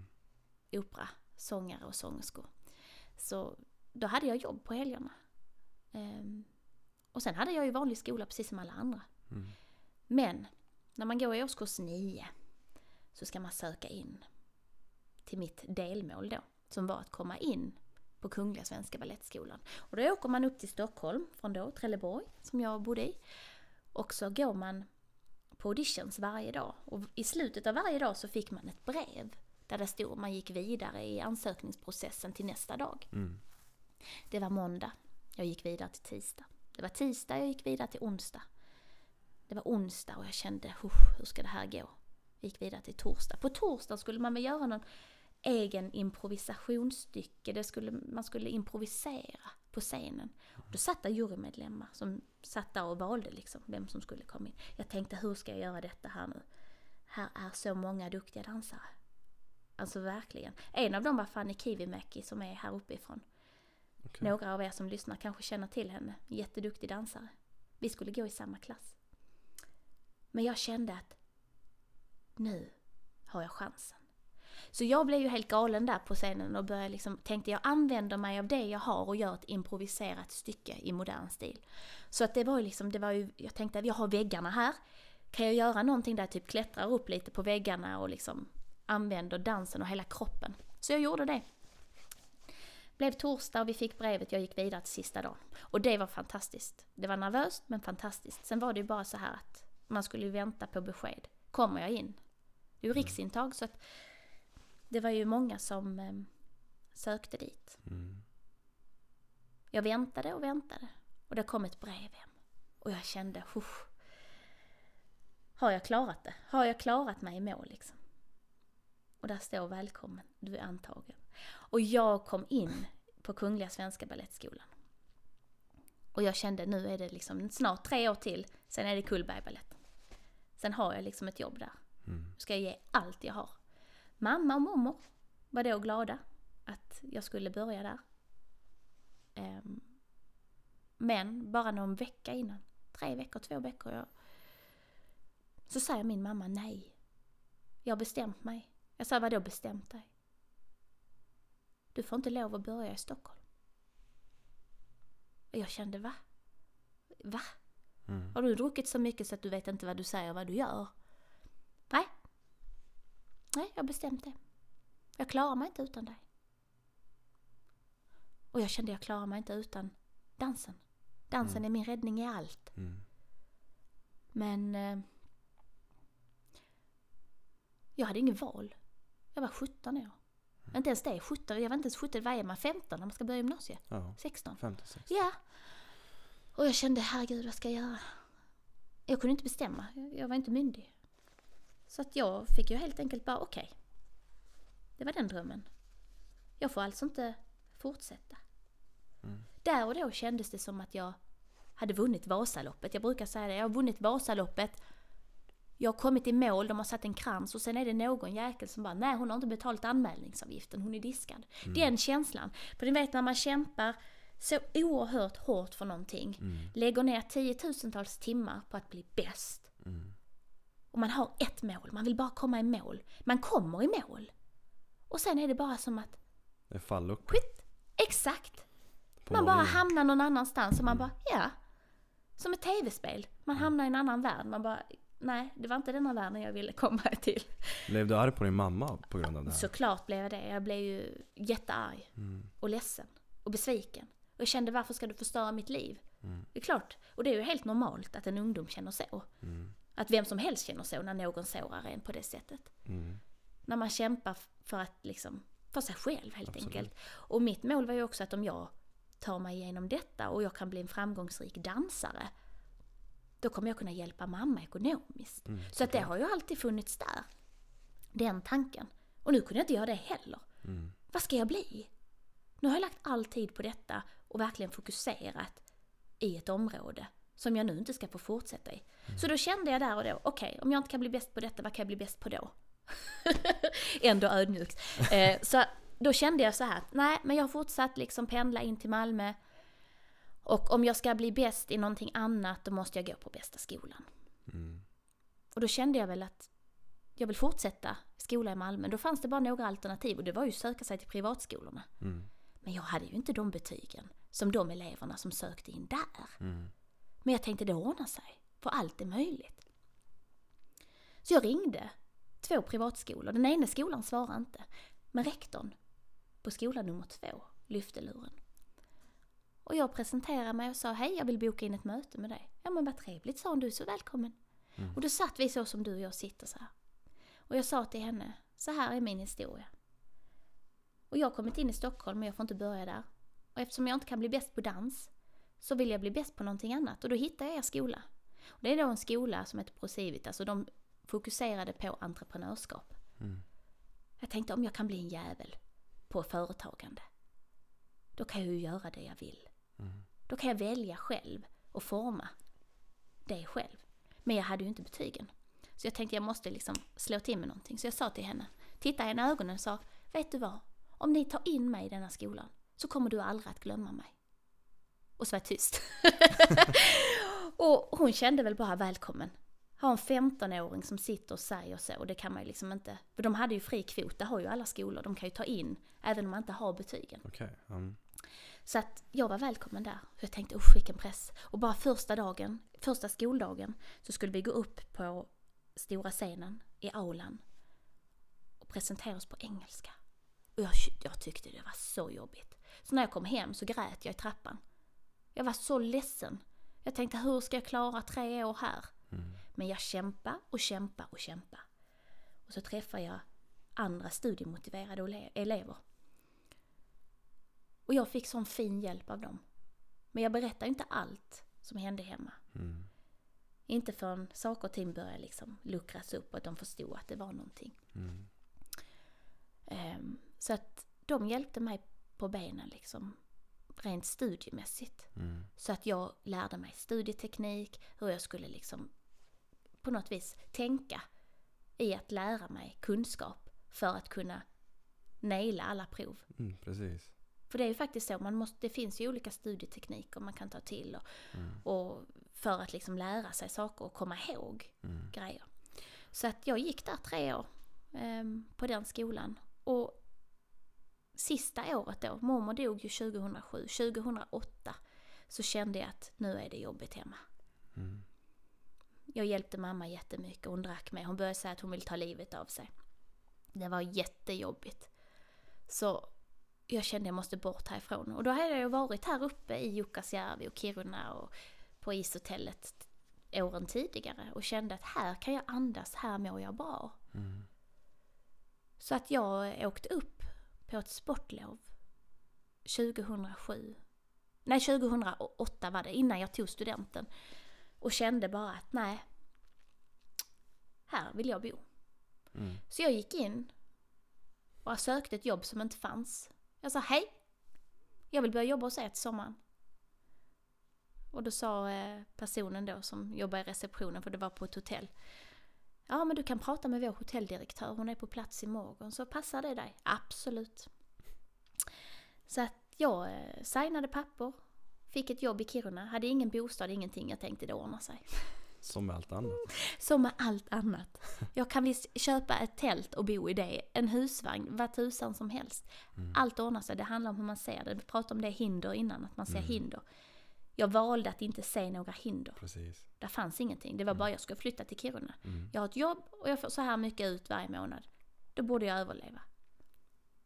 Så att tre dagar efter min student så flyttade jag upp. Mm. Kände inte en kotte. Men jag tänkte det finns gott om granar här uppe så det är gott om kottar också. Så det handlar ju bara om, tror jag, att jag kände att är jag bara mig själv Mm. Så kommer folk se vem jag är och ta in mig i deras liv. Mm. Och på den vägen är det. Hur har, eh, hur har liksom, du, du pluggar stenhårt för det här för, Mm. för, på entreprenadskolan. Hur var, det jag tänkte var, hur, hur har pluggandet hjälpt dig med dina känslor inombords? För du pratar om att balletten har ju fått dig att liksom få ut dina känslor. Absolut. Hur funkar det att sitta still i en skolbänk? Alltså jag har ju alltid skapat och målat. Så att det var ju min räddning också. Att när jag inte dansade så målade jag. Mm. Så jag har ju alltid varit kreativ. Så det började tidigt att du började det måla har börjat också? tidigt, Ja. absolut. Sen jag var ett barn så har jag hållit på att skapa. Mm. Och det är också när man får skapa, och, jag som är konstnär, när man får ett vitt ark eller en vit duk. Mm. Det är en sån frihetskänsla.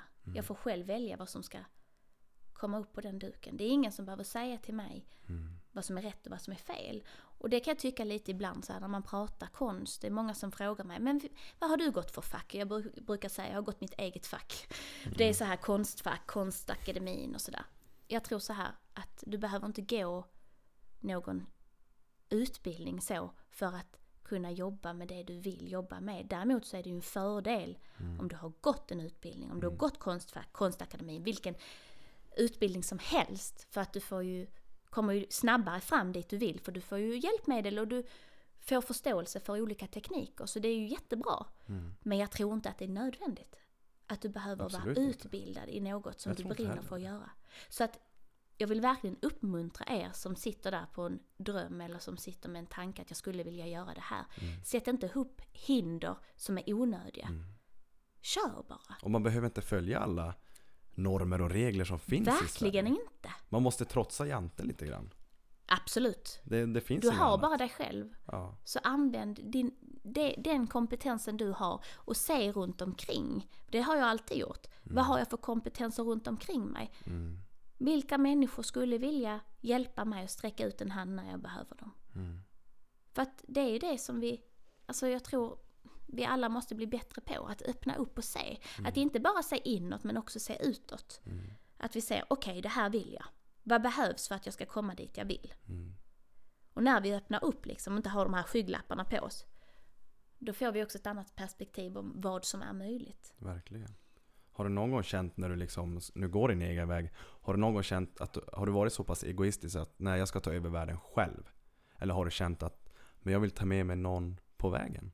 Jag vill ha liksom, det kan vara en partner, det kan vara en vän. Eller har du bara känt det jag mot världen? Alltså jag skulle säga just det här med egoism. Jag, jag tycker inte om att använda det ordet så, för det kan man ju liksom tolka på olika sätt. Absolut. Däremot så ska jag säga så här att det är alltid kul att ha någon med sig på vägen. Mm, det är ju det. Det är ju det. Där man kan dela glädjen. Mm, Där man kan liksom, när man fastnar så har man någon som rycker upp en. precis. Däremot så känner jag att det är ju ganska, ibland kan det gå fortare också när man är själv. Mm, När man ska fatta beslut och så. Men eh, jag skulle väl säga att, jag skulle väl inte säga att jag är egoistisk på något sätt. Däremot så skulle jag väl säga att jag trotsar ju Jante ganska kraftigt.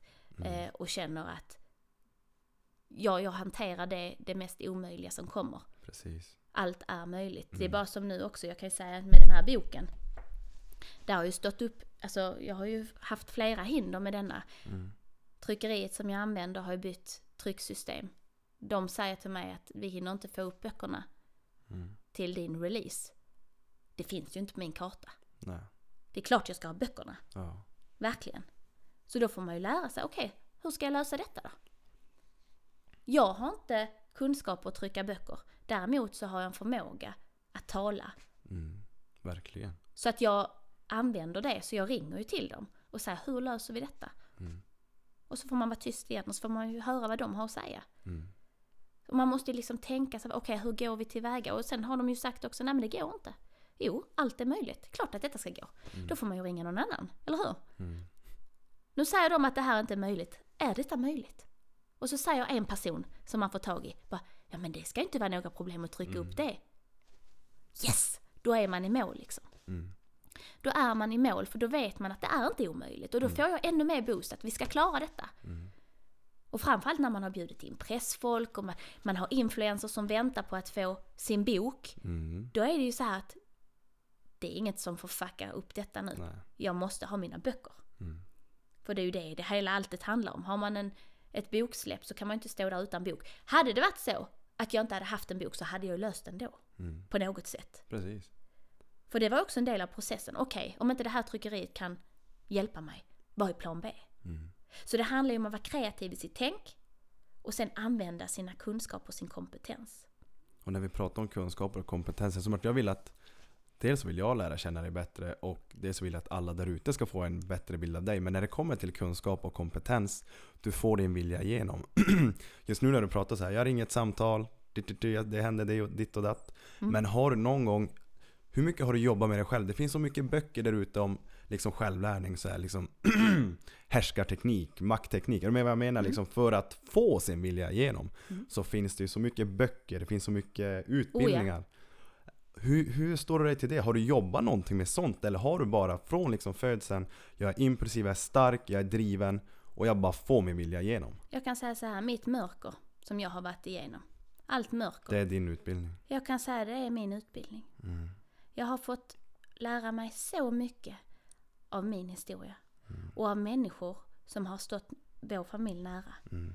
Så det har gett mig så mycket förståelse för andra människors livsöden. Mm. Och det har också skapat att jag har en ödmjukhet. Och därför blir det ju så att jag känner att att saker, bara materiella ting, vad betyder det? Inte ett skit. Nej, precis. Inte ett skit Mm. betyder det. Jag vill leva nu, jag vill göra mitt liv så härligt det bara går. Jag vill göra det som är viktigt för mig. Mm. Sen har jag gått, jag jobbade ett tag för ett företag i Kiruna som jobbar med coaching.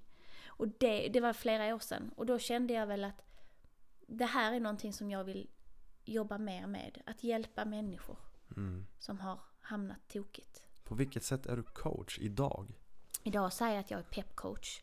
Så att det innebär egentligen att jag hjälper personer som vill nå sina mål Mm. att komma dit. Det är egentligen så enkelt förklarat. Och det kan liksom vara att jag behöver hjälp och då ringer jag dig och sen så tar vi ett Absolut. möte. Det, liksom, det kan Absolut. vara Det kan, företag, det kan vara vet privatperson. du vad? Oftast är det ju så att för att komma dit man vill så måste man reda ut saker både i privatlivet men också i företagslivet. Man måste bekräfta för sig själv vad är det jag vill. Mm. För när jag vet vad jag vill och jag ser mitt mål klart, då skymmer vi också hindren. Men oftast är det så att jag vill dit men jag kommer inte kunna komma dit. Det är omöjligt. Eller att man känner att, "Huff, hur ska jag klara det här? Mm. Återigen, allt är möjligt. Alltså det finns, allt är möjligt. Vill du bli biljonär och tjäna jättemycket pengar så är det fullt möjligt. Mm. Om det är så att du vill bli biljonär, men du måste veta varför. Varför vill du bli det? Mm. Samma sak för folk som tränar. Det är samma sak där. Varför går du och tränar? Om det är så att du tränar för att jag vill ha en snygg kropp, då är det lätt att få det att fallera. Mm. Om inte det är det liksom huvudsakliga syftet. Däremot om du går till gymmet för att träna för att bli stark, så är det en känsla du har med dig. Mm. Då är det lättare att bibehålla det. Precis. Att du känner att du måste gå dit för att du mår bra av det. Mm. Så att det, allting handlar om hur man ser på det. Sen är ju även, eftersom jag har jobbat som ledare, eh, så tycker jag att många ledare har för dåligt chefskap. Alltså de har för dåligt ledarskap. På vilket sätt? Människor ser inte sina anställdas kompetenser. Det... För att få bra resultat, du får alltid resultat brukar jag säga. Mm. Det kan vi vara överens om. Du Mm. får alltid resultat, men får du Absolut. de resultat du vill ha? Mm. Inte alltid. Det brister oftast i ledarskapet. Vi Mm. måste ha ledare som ser sina anställdas styrkor Precis. och ibland kliver ner lite grann Mm. och är en i gänget. Precis. Faktiskt. Mm. Och visa att jag kan också göra skitgörat. Jag håller med där. För att på något vis vara en förebild Mm. för de andra på jobbet. För att när man är på en arbetsplats, det är en jättestor skillnad att jobba själv och vara på en arbetsplats. Mm. För på en arbetsplats är man ett team. Och alla måste veta vad vårt gemensamma mål är. Annars kommer vi inte komma dit. Eller så kommer vi dit men det tar jäkligt lång tid och våra konkurrenter, de hinner köra, gasa förbi. Mhm. Mm. Så att det är ju många delar man kan titta just vad det gäller ledarskapscoaching som jag tittar på. Mm. Och jag grundar ju allting från min egen historia, min egen lärdom. Mm. Det tycker jag är häftigt, att jag själv kan skräddarsy det. Det är ganska så jävla... Det är minst sagt jävligt häftigt. Det är helt ofattbart. det är helt jävla ofattbart. Ja. Vad har du för... eh, eh, går du mycket utbildningar? Inom Nej. sådana här grejer? Nej, egentligen inte. Däremot så får man ju säga att jag tycker det är väldigt härligt att ta in information. Mm. Så att information finns ju runt om oss hela tiden. Absolut. Så att jag tar väl in information på olika sätt i olika medier. Och man kan ju även kolla liksom på, på klipp på YouTube och, och allt så. Så att där tar man väl in kunskap. Idag kan, Återigen, idag kan man bli vem som helst på Youtube. du kan bli vem som helst och har du Och jäkligt tur så kan det ske över en natt. Ja. Det är inte alltid att det sker över en natt men, men eh, allt, alltså jag menar, har du tur Mm. så kommer du dit du vill fortare än vad du tror. Men ibland är vi ju kanske inte beredda på det heller. Det händer ju det också. Mm. Jag tror det viktigaste är att man vet vem man är. I alla lägen. Hur, tar du, hur tar du din framgång? Eh, har du alltid känt dig redo för framgång? Eller har du någon gång känt att Åh shit, fan nu känner hon igen mig på stan. Och nu kommer folk, fan är jag så här känd? Och shit, nu drar de med mig. Alltså har du någon gång känt att det är lite obehagligt? Eller har du alltid känt dig, japp, det är så här det ska vara? Nej, jag har inte reflekterat så egentligen. Du har inte det? Nej. Jag är ju bara jag. För det är ju, ibland så säger man att vägen till toppen är oftast lättare än att hålla sig kvar på toppen. Mm. Jo men såklart, men jag tror så här. Jag gör så många olika saker och jag har ju fler saker på gång. Eh, vilket gör att jag lever mig in i det Precis. på något sätt. Du så bryr dig jag, inte så jag bryr mig inte. nej, Nej, för det är bara, det är, det är underbara människor. Sen såklart blir jag väldigt, väldigt glad över att det, till och med folk som säger att jag, jag är ditt största fan och man bara, är du? då blir man ju jätteglad för då har man ju nått Mm. fram. Jag har nått fram med det budskapet jag vill nå ut med. Och du är mångas största fan i den här podden. Ja, tack ska ni Det ha. är många som, det är många som önskar dig. Ja men vad Och jag har kul. ju alltid tänkt på dig så att Och liksom, jag blev så glad när du kontaktade mig. och jag blir alltid lika glad när jag får ett ja. Det är, Ja, men varför ska man säga nej? eller hur? Eller hur? det är mer Det är, ja. också, det är också någonting som jag säger, säg ja till saker. För Mm. ibland så är det så att, inte för man har sagt ja, så vet man svaret inom sig, Mm. vad man vill göra. Så det är ju många gånger jag har känt så här, oh, man får en klump i magen bara, ska jag tacka ja till detta eh, erbjudandet eller detta samarbetet? Mm. Och när den känslan kommer så känner jag ännu mer bara, yes, det är klart att du ska. Mm. Att det känns lite pirrigt och lite nervöst, det kan det alltid göra. För alla. Och det är bara att kolla nu, alltså nu ska jag till Skåne snart, då kommer det vara fullt upp. Eh, och jag är så här, jag, jag ju jättesvårt idag att tacka nej. För jag vill ju bara göra allt, men det är ju en balansgång. Man, det jag brukar säga, man måste ju bara fråga sig själv, har jag energi Mm.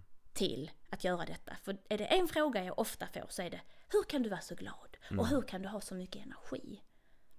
Jag säger så här, när man blir medveten om hur mycket energi man har så kan man också planera efter det. Så ja, en stor faktiskt nyckel till framgång, det är ett gott planerande. Att du vet Verkligen. vad du lägger upp din tid och vad du behöver göra Mm. för att komma dit. Jobba för- smart. Jobba smart, precis som studietekniken som Ja, vi pratade om ja, tidigare. precis. Plugga smart. Mm. För du behöver inte sitta liksom med en bok och mala den om och om igen för att du ska lära dig någonting. Utan du kan genom studieteknik Mm. lära dig saker genom att kunna bara hitta information.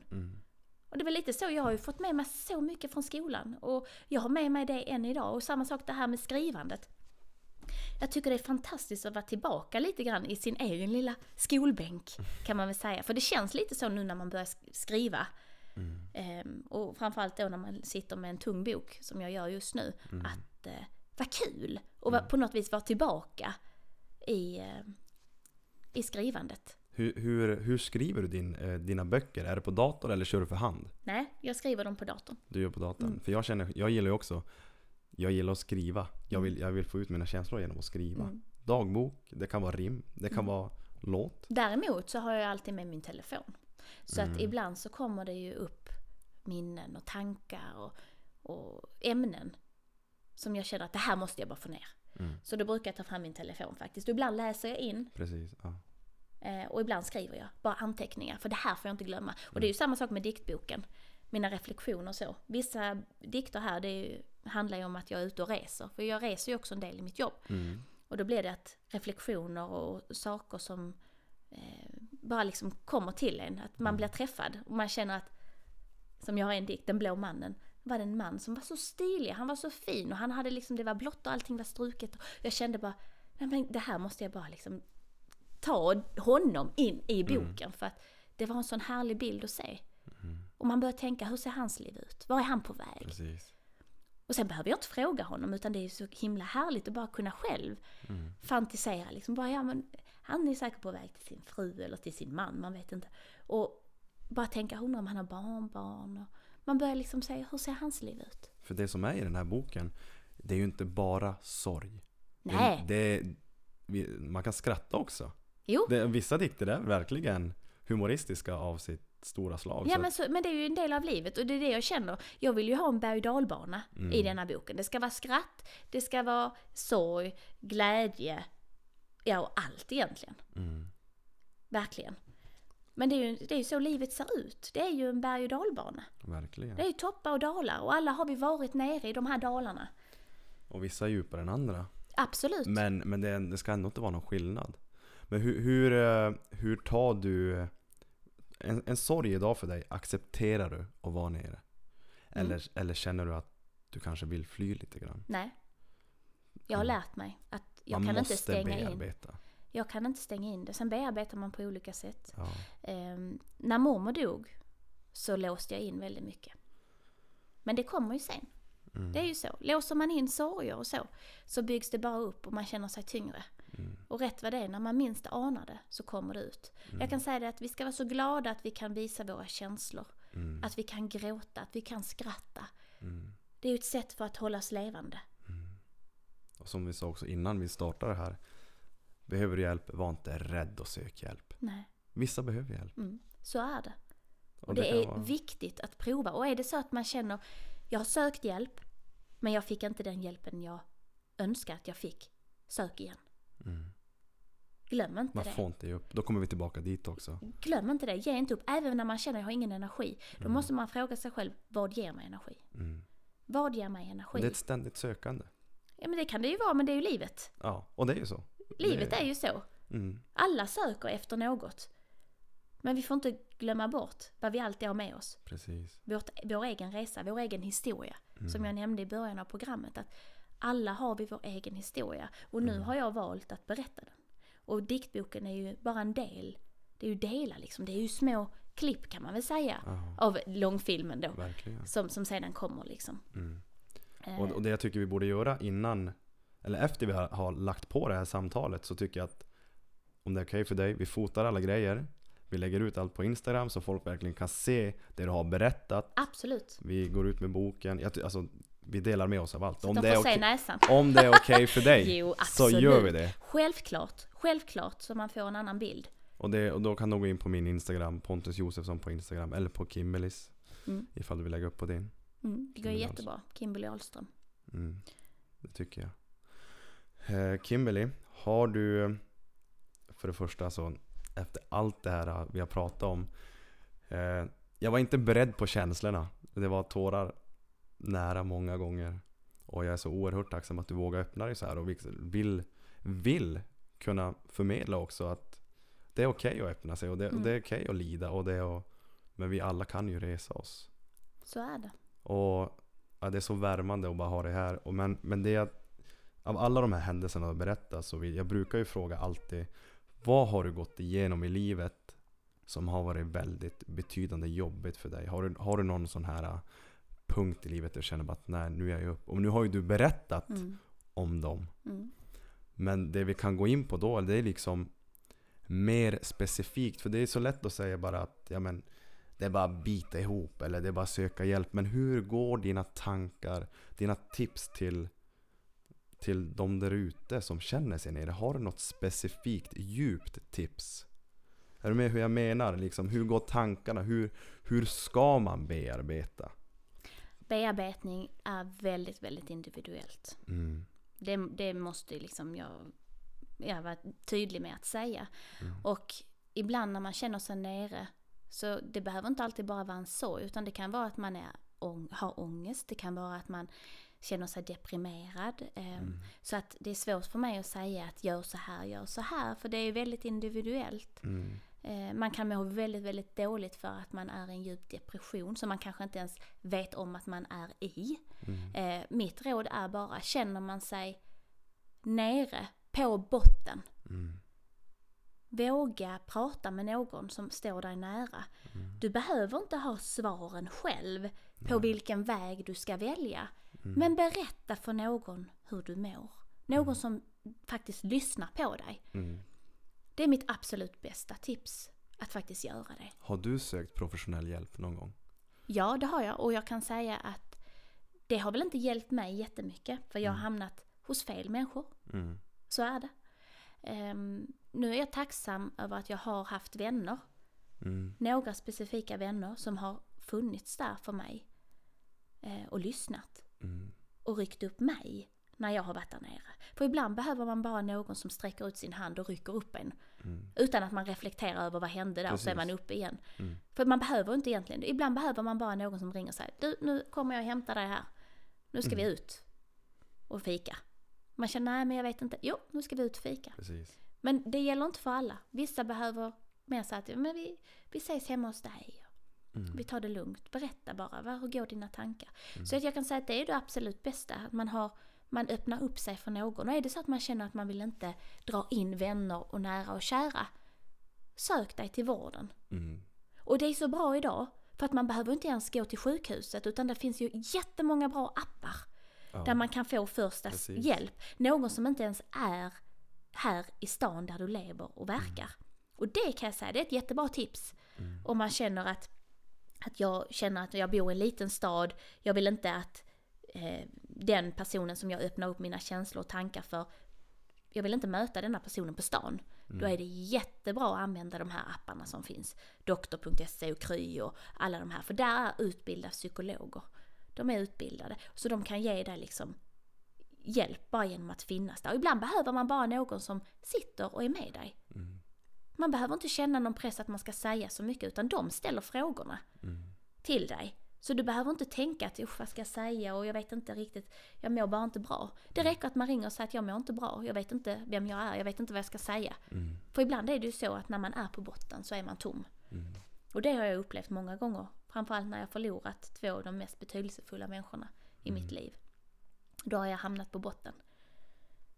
Nu har jag varit, jag, jag kan säga jag är så tacksam att jag har faktiskt på egen hand kunnat resa mig upp ifrån detta genom olika hjälpmedel. Och mina hjälpmedel var ju att uttrycka mig i känslor, Mm. uttrycka mig i skapande, uttrycka mig i dans, uttrycka mig att faktiskt sylta in mig på någonting. Mm. För mitt fokus hjälpte mig Mm. att hitta mig igen. Mm. För det är egentligen det som händer. Att vi tappar oss själva. Mm. Som du sa innan till mig när jag kom till dig. Att ibland så, när du var 20 så kände du också att ja, men man bara tappar sig själv, man vet inte var man är. Mm. Jag tror alla kan känna igen sig där någon gång. Och, det, och det som är också, jag tror att just när man är där på botten, det jag kände var att jag var rädd. Mm. Jag, jag var rädd för att, och dels så, det första man nästan gör, det är att man sätter upp en tid. Ja men, jag ger det en vecka, sen är det bra. Men, men på något sätt, när man har nu, när man har gått igenom allting. Det jag gjorde, sökte hjälp kanske fem år för sent. Men sen blev det ju bra. Men det man har lärt sig då av det hela, det är ju det att först och främst acceptera att du mår dåligt. Mm. Här och nu. Mm. Fokus här och nu. Du kan inte påverka igår, du kan inte påverka imorgon. Här och nu. Mm. Och acceptera känslorna. Mm. Och sen bara bearbeta härifrån. Mm. Och, och det tog mig då upp på mina fötter. Jag fick jättebra hjälp. Första, boom, bästa. Mm. Börja meditera, läsa böcker, personutveckling. Ja. Och boom, allt bara föll på plats. Stressen, tomheten boom, borta. Mm. Det, Men det gäller att våga. Precis, och, det, och som jag sa, fem år för sent. Då har jag gått i fem år, ett hål i bröstet Mm. och gjort otroligt dumma grejer. Men det har, du har ju ändå lärt dig någonting av din Precis. resa.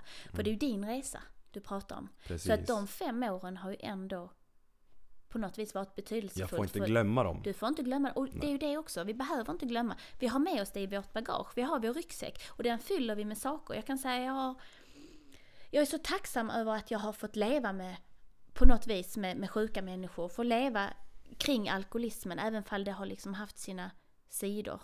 Eh, som har varit väldigt tunga. Så har jag fått förståelse för andra som drabbas i det. Så att jag kan idag möta människor som är i beroende och på något vis hjälpa dem. Bara genom att finnas där. Och jag förstår vad de går igenom och hur de, det de beskriver, hur de känner sig. Mm. Jag kan sitta där och ta in det. För att jag har levt så nära det. I många år. Det är så otroligt, det är helt ofattbart. Men, men på något sätt så, så förstår man ju ändå att Men det är klart, du har tagit det på rätt sätt. Det finns ju vissa som kanske har Jag menar säg att de har missbrukarföräldrar som själv hamnar som går samma väg. Verkligen. och Men du har många. inte gått den vägen. Du har, det, det känns inte som att du dricker så pass mycket. Du röker inte vad jag vet. Nej, Liksom, du, har, du har gjort någonting bra av det hela. Absolut. Och det är ju lätt att hamna där. Sen ska Mm. jag säga det att alla människor som har eh, alkoholmissbrukare eller i sin omgivning, antingen sambo eller det kan vara mamma eller pappa eller syskon. Det är, Mm. alltså, när det är i eh, släktskapet så går det är ju genetiskt. Mm. Det är ju en sjukdom, al- alkoholism. Så att det är klart att där däremot får man ju tänka sig för att passa sig. Och även vad det gäller mina egna barn, för jag är ju också mamma. Mm. Så att det går ju igenom mig. Jag, och jag kan säga det att jag tror det är lätt när man mår dåligt att man hamnar i olika missbruk av olika slag för att det dämpar. Mm. Jag accepterar just till slut att min mamma drack och jag berättar ju aldrig Mm. för min omgivning för jag var rädd. Mm. Jag var rädd att mina föräldrar skulle dö i cancer. Mm. Och jag var rädd att om jag berättade att de drack, att socialförvaltningen skulle knacka Precis. på och Mm. ta mig ifrån mina enda föräldrar. Mm. Så att jag berättade aldrig för folk i min omgivning att de drack. Mm.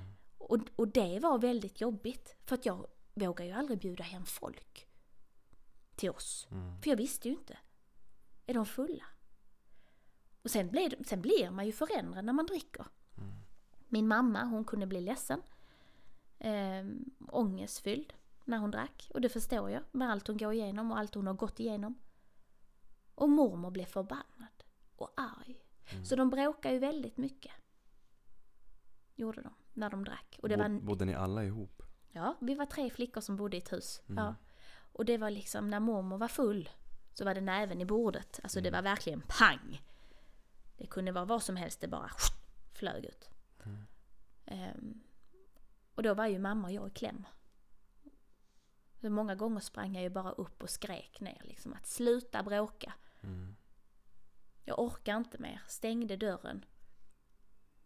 Men sen har jag också hällt ut vinflaskor i vasken som jag Mm. inte skulle ha gjort. Du har fått skit för det. Men det är klart jag har fått. När jag var liten så höll jag också på med sporter. Jag höll på med pistolskytte och tävlat i SM. Fått medaljer i falling target. Och pistolskytte. Mm. Ehm, och sen har jag också hållit på med ridning. Och i min garderob så hade jag en ridpiska. Så att, ja i boken kommer jag berätta lite vad som har hänt men ni kan ju ana vad som har hänt. Så det, det blir ju så här, konsekvenser av att man dricker Mm. kan vara många. Och ibland påverkar du i negativ riktning mer än vad du tror. Mm. Men, Men- Något, ja, Nej men säg. något jag också kom att tänka på just när vi pratade om mormor och mor. som vi pratade om i början. Det är, vart var pappa? Så här var det ju att när jag eh, flyttade till Kiruna så jobbade jag i reception. Och en dag fick jag ett samtal. Och jag är då 19 år gammal, så det är för Mm. 11 år sedan. Ringer det en kvinna. Och hon säger till mig att hon har levt med min pappa under hela sin uppväxt. Mm. Och jag är ju service-minded. Så jag är ju jättetrevlig mot henne och hanterar hela samtalet som att hon skulle ringa och göra en hotellbokning. I princip. Jaha, säger du, men, men vad trevligt, säger jag. För jag blev ju chockad, jag tänkte vad är detta för skumt? Han finns ju inte. Mm. Så då ringer hon. Ja, och så tänkte jag att nu har jag chansen. Hon säger jag ringer till dig för att jag vill berätta några saker. Ja, okej, säger jag. Men, men vad heter han? Det var min första fråga. Det var verkligen som anden i lampan. Här har du tre Såklart. frågor. Ja, men den känslan. Och då berättade hon vad han hette. Jag tänkte, hmm. Var han svensk? Mm. Var min fråga nummer två. Nej, nej, det var han inte. Så jag satt där i stolen och tittade på mina händer och armar och tänkte, nej, vilket kött och blod är jag, tänkte jag. Det, det är ju en chock. Nu får man höra att han inte är svensk. Nej, var jag hälften av? Mm. Jag började tänka på hans namn. Jag tänkte, men, hmm, undrar var han är ifrån. och då sa hon, nej, han är från Finland.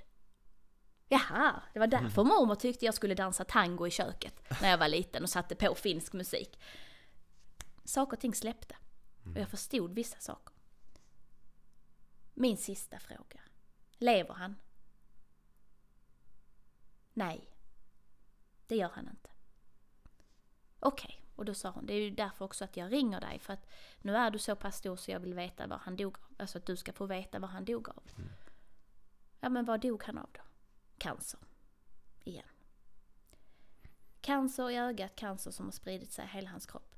43 år gammal blev han. Det sjuka i detta, det var att han har ju levt tydligen i samma stad där jag är uppvuxen. Han har vetat om att jag har funnits. Men aldrig tagit kontakt. Inte skrivit ett avskedsbrev. Och mitt brev till min riktiga pappa, det kommer i boken. Och där finns vissa saker jag önskar att han visste. Och som jag skulle vilja säga till honom. För är man förälder, jag vet själv, mamma till tre barn idag, Mm. så har man ändå ett ansvar. Och framförallt också att jag tänker att hade jag legat på en dödsbädd och vet om att jag har satt barn till världen, då skulle jag ha skrivit någonting innan jag dog.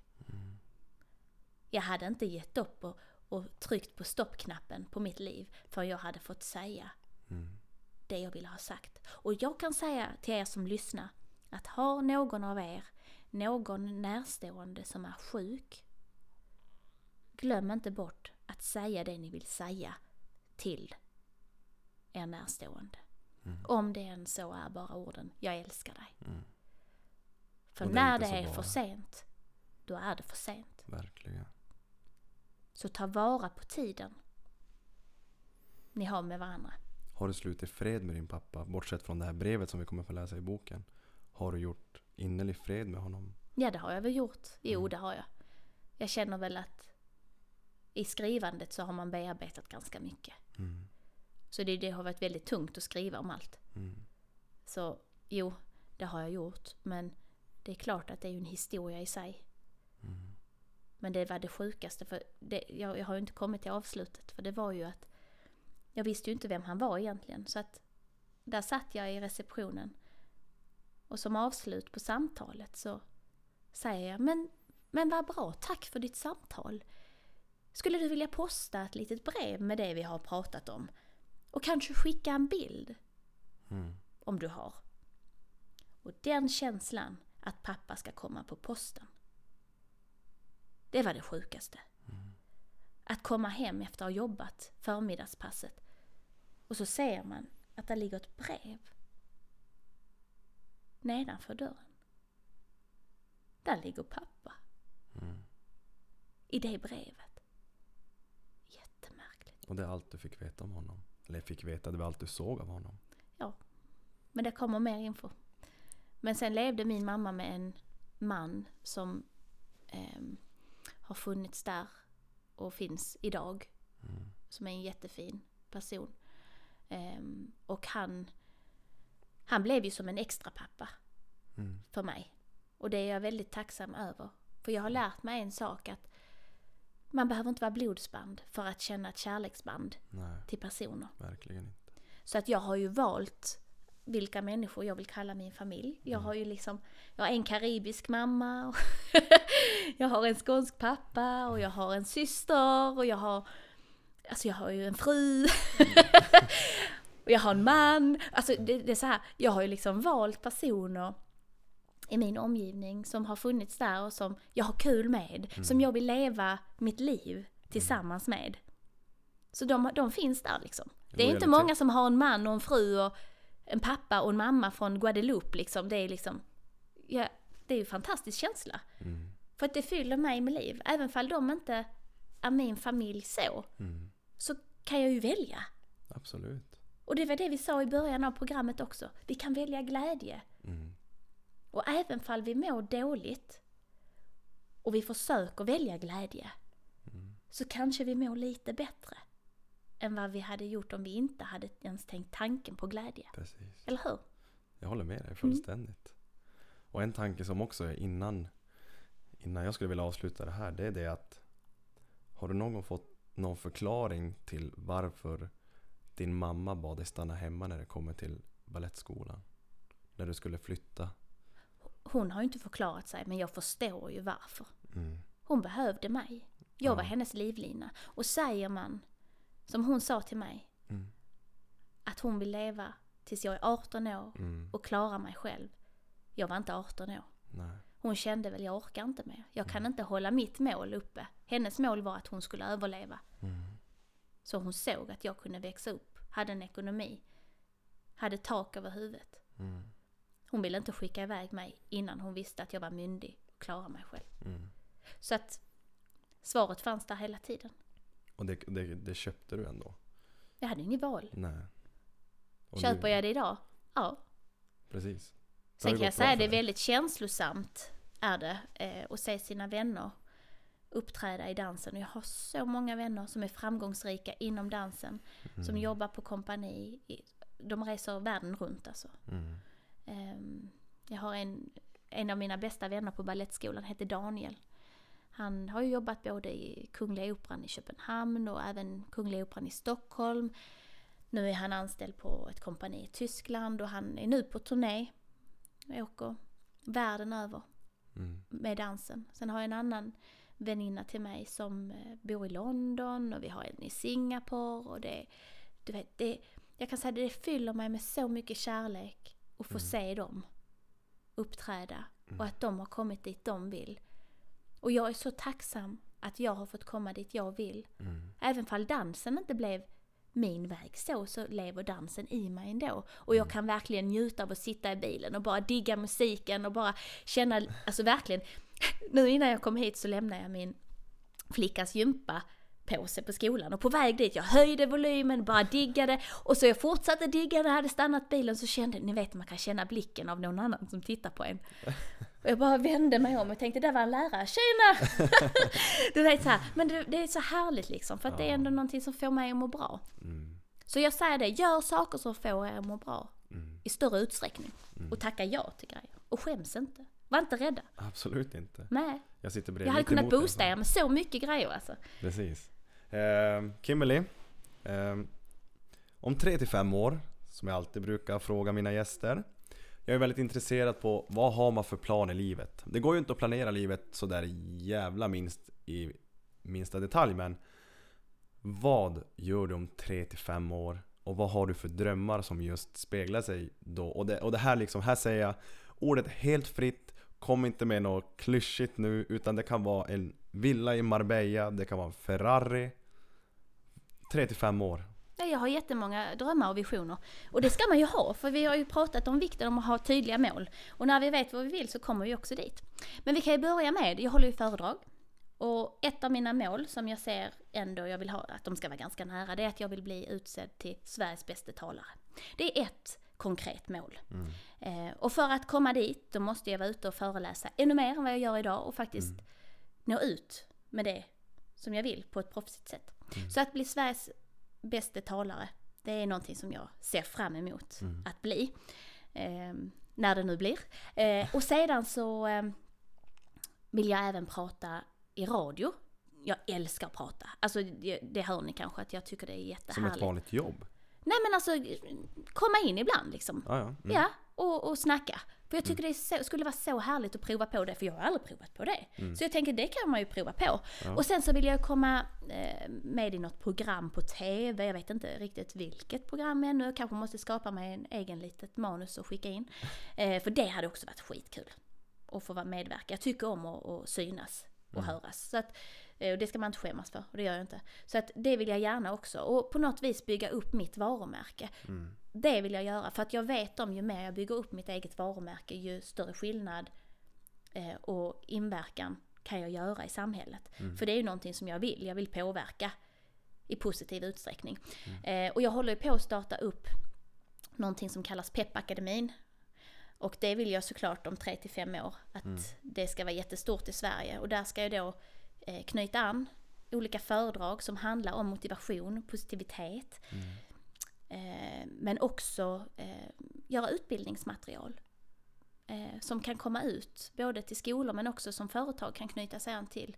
För att just jobba, just det här med som jag pratar om att få anställda att bli motiverade och även Precis. ledare och, Mm. och göra något program och även mentorprogram. Och sen hoppas jag också att jag inom 3 till 5 år kan på något vis i Peppakademin kanske få stifta något form av stipendium eller någonting så att jag kan få andra unga människor Mm. eh, att söka till det när de har en dröm eller en vision. Jag vill hjälpa till Mm. att faktiskt utveckla andra människors drömmar än bara mina egna. Mm. Drömmer du om pengar någonting? Jag drömmer väl inte om pengar så, för det, jag lägger inte mitt fokus där, utan jag drömmer om att få göra det jag vill och då är ju klart pengar en bra motor i det. För att har man pengar så kan man ju också lättare chansa och ta större risker i sina drömmar. Så är det. Så pengar är ju ett verktyg, absolut. Men det är inte så att jag drömmer liksom och bara money, money, money som Nej, jag precis. visar på reklam och allting och ungarna bara för skolan money, money, money. Men det är klart man ska visualisera money. Så är det ju.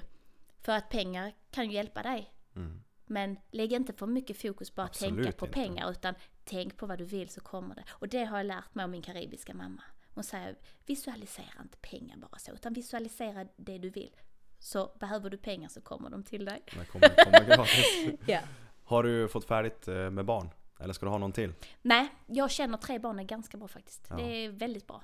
Och det är bra ålder på dem. Jag har en nioåring jag har, som blir tio. Jag har en sjuåring som blir åtta. Och en liten på åtta månader. Mm. Eh, och jag känner väl att eh, det är väl det just nu jag kan hantera. Och de har ju också drömmar. Mm. Och som förälder så vill man ju en sak i livet och det är som jag inte fick alla gånger. Det Mm. är ju att de ska ju få uppleva deras drömmar och då innebär det ju också att jag ska kunna ha råd och, och hjälpa dem på vägen. Om det är så att det skulle krävas att de flyttar till en annan stad. Vi behöver lägenhet eller sådär. Så att det är ju ett av mina mål också med att vara egen företagare. Att, att man faktiskt kan få, få in pengar så att man kan ha till sin familj. För familjen är viktig. Liksom vänner. Det är vänner och familj, det är allt.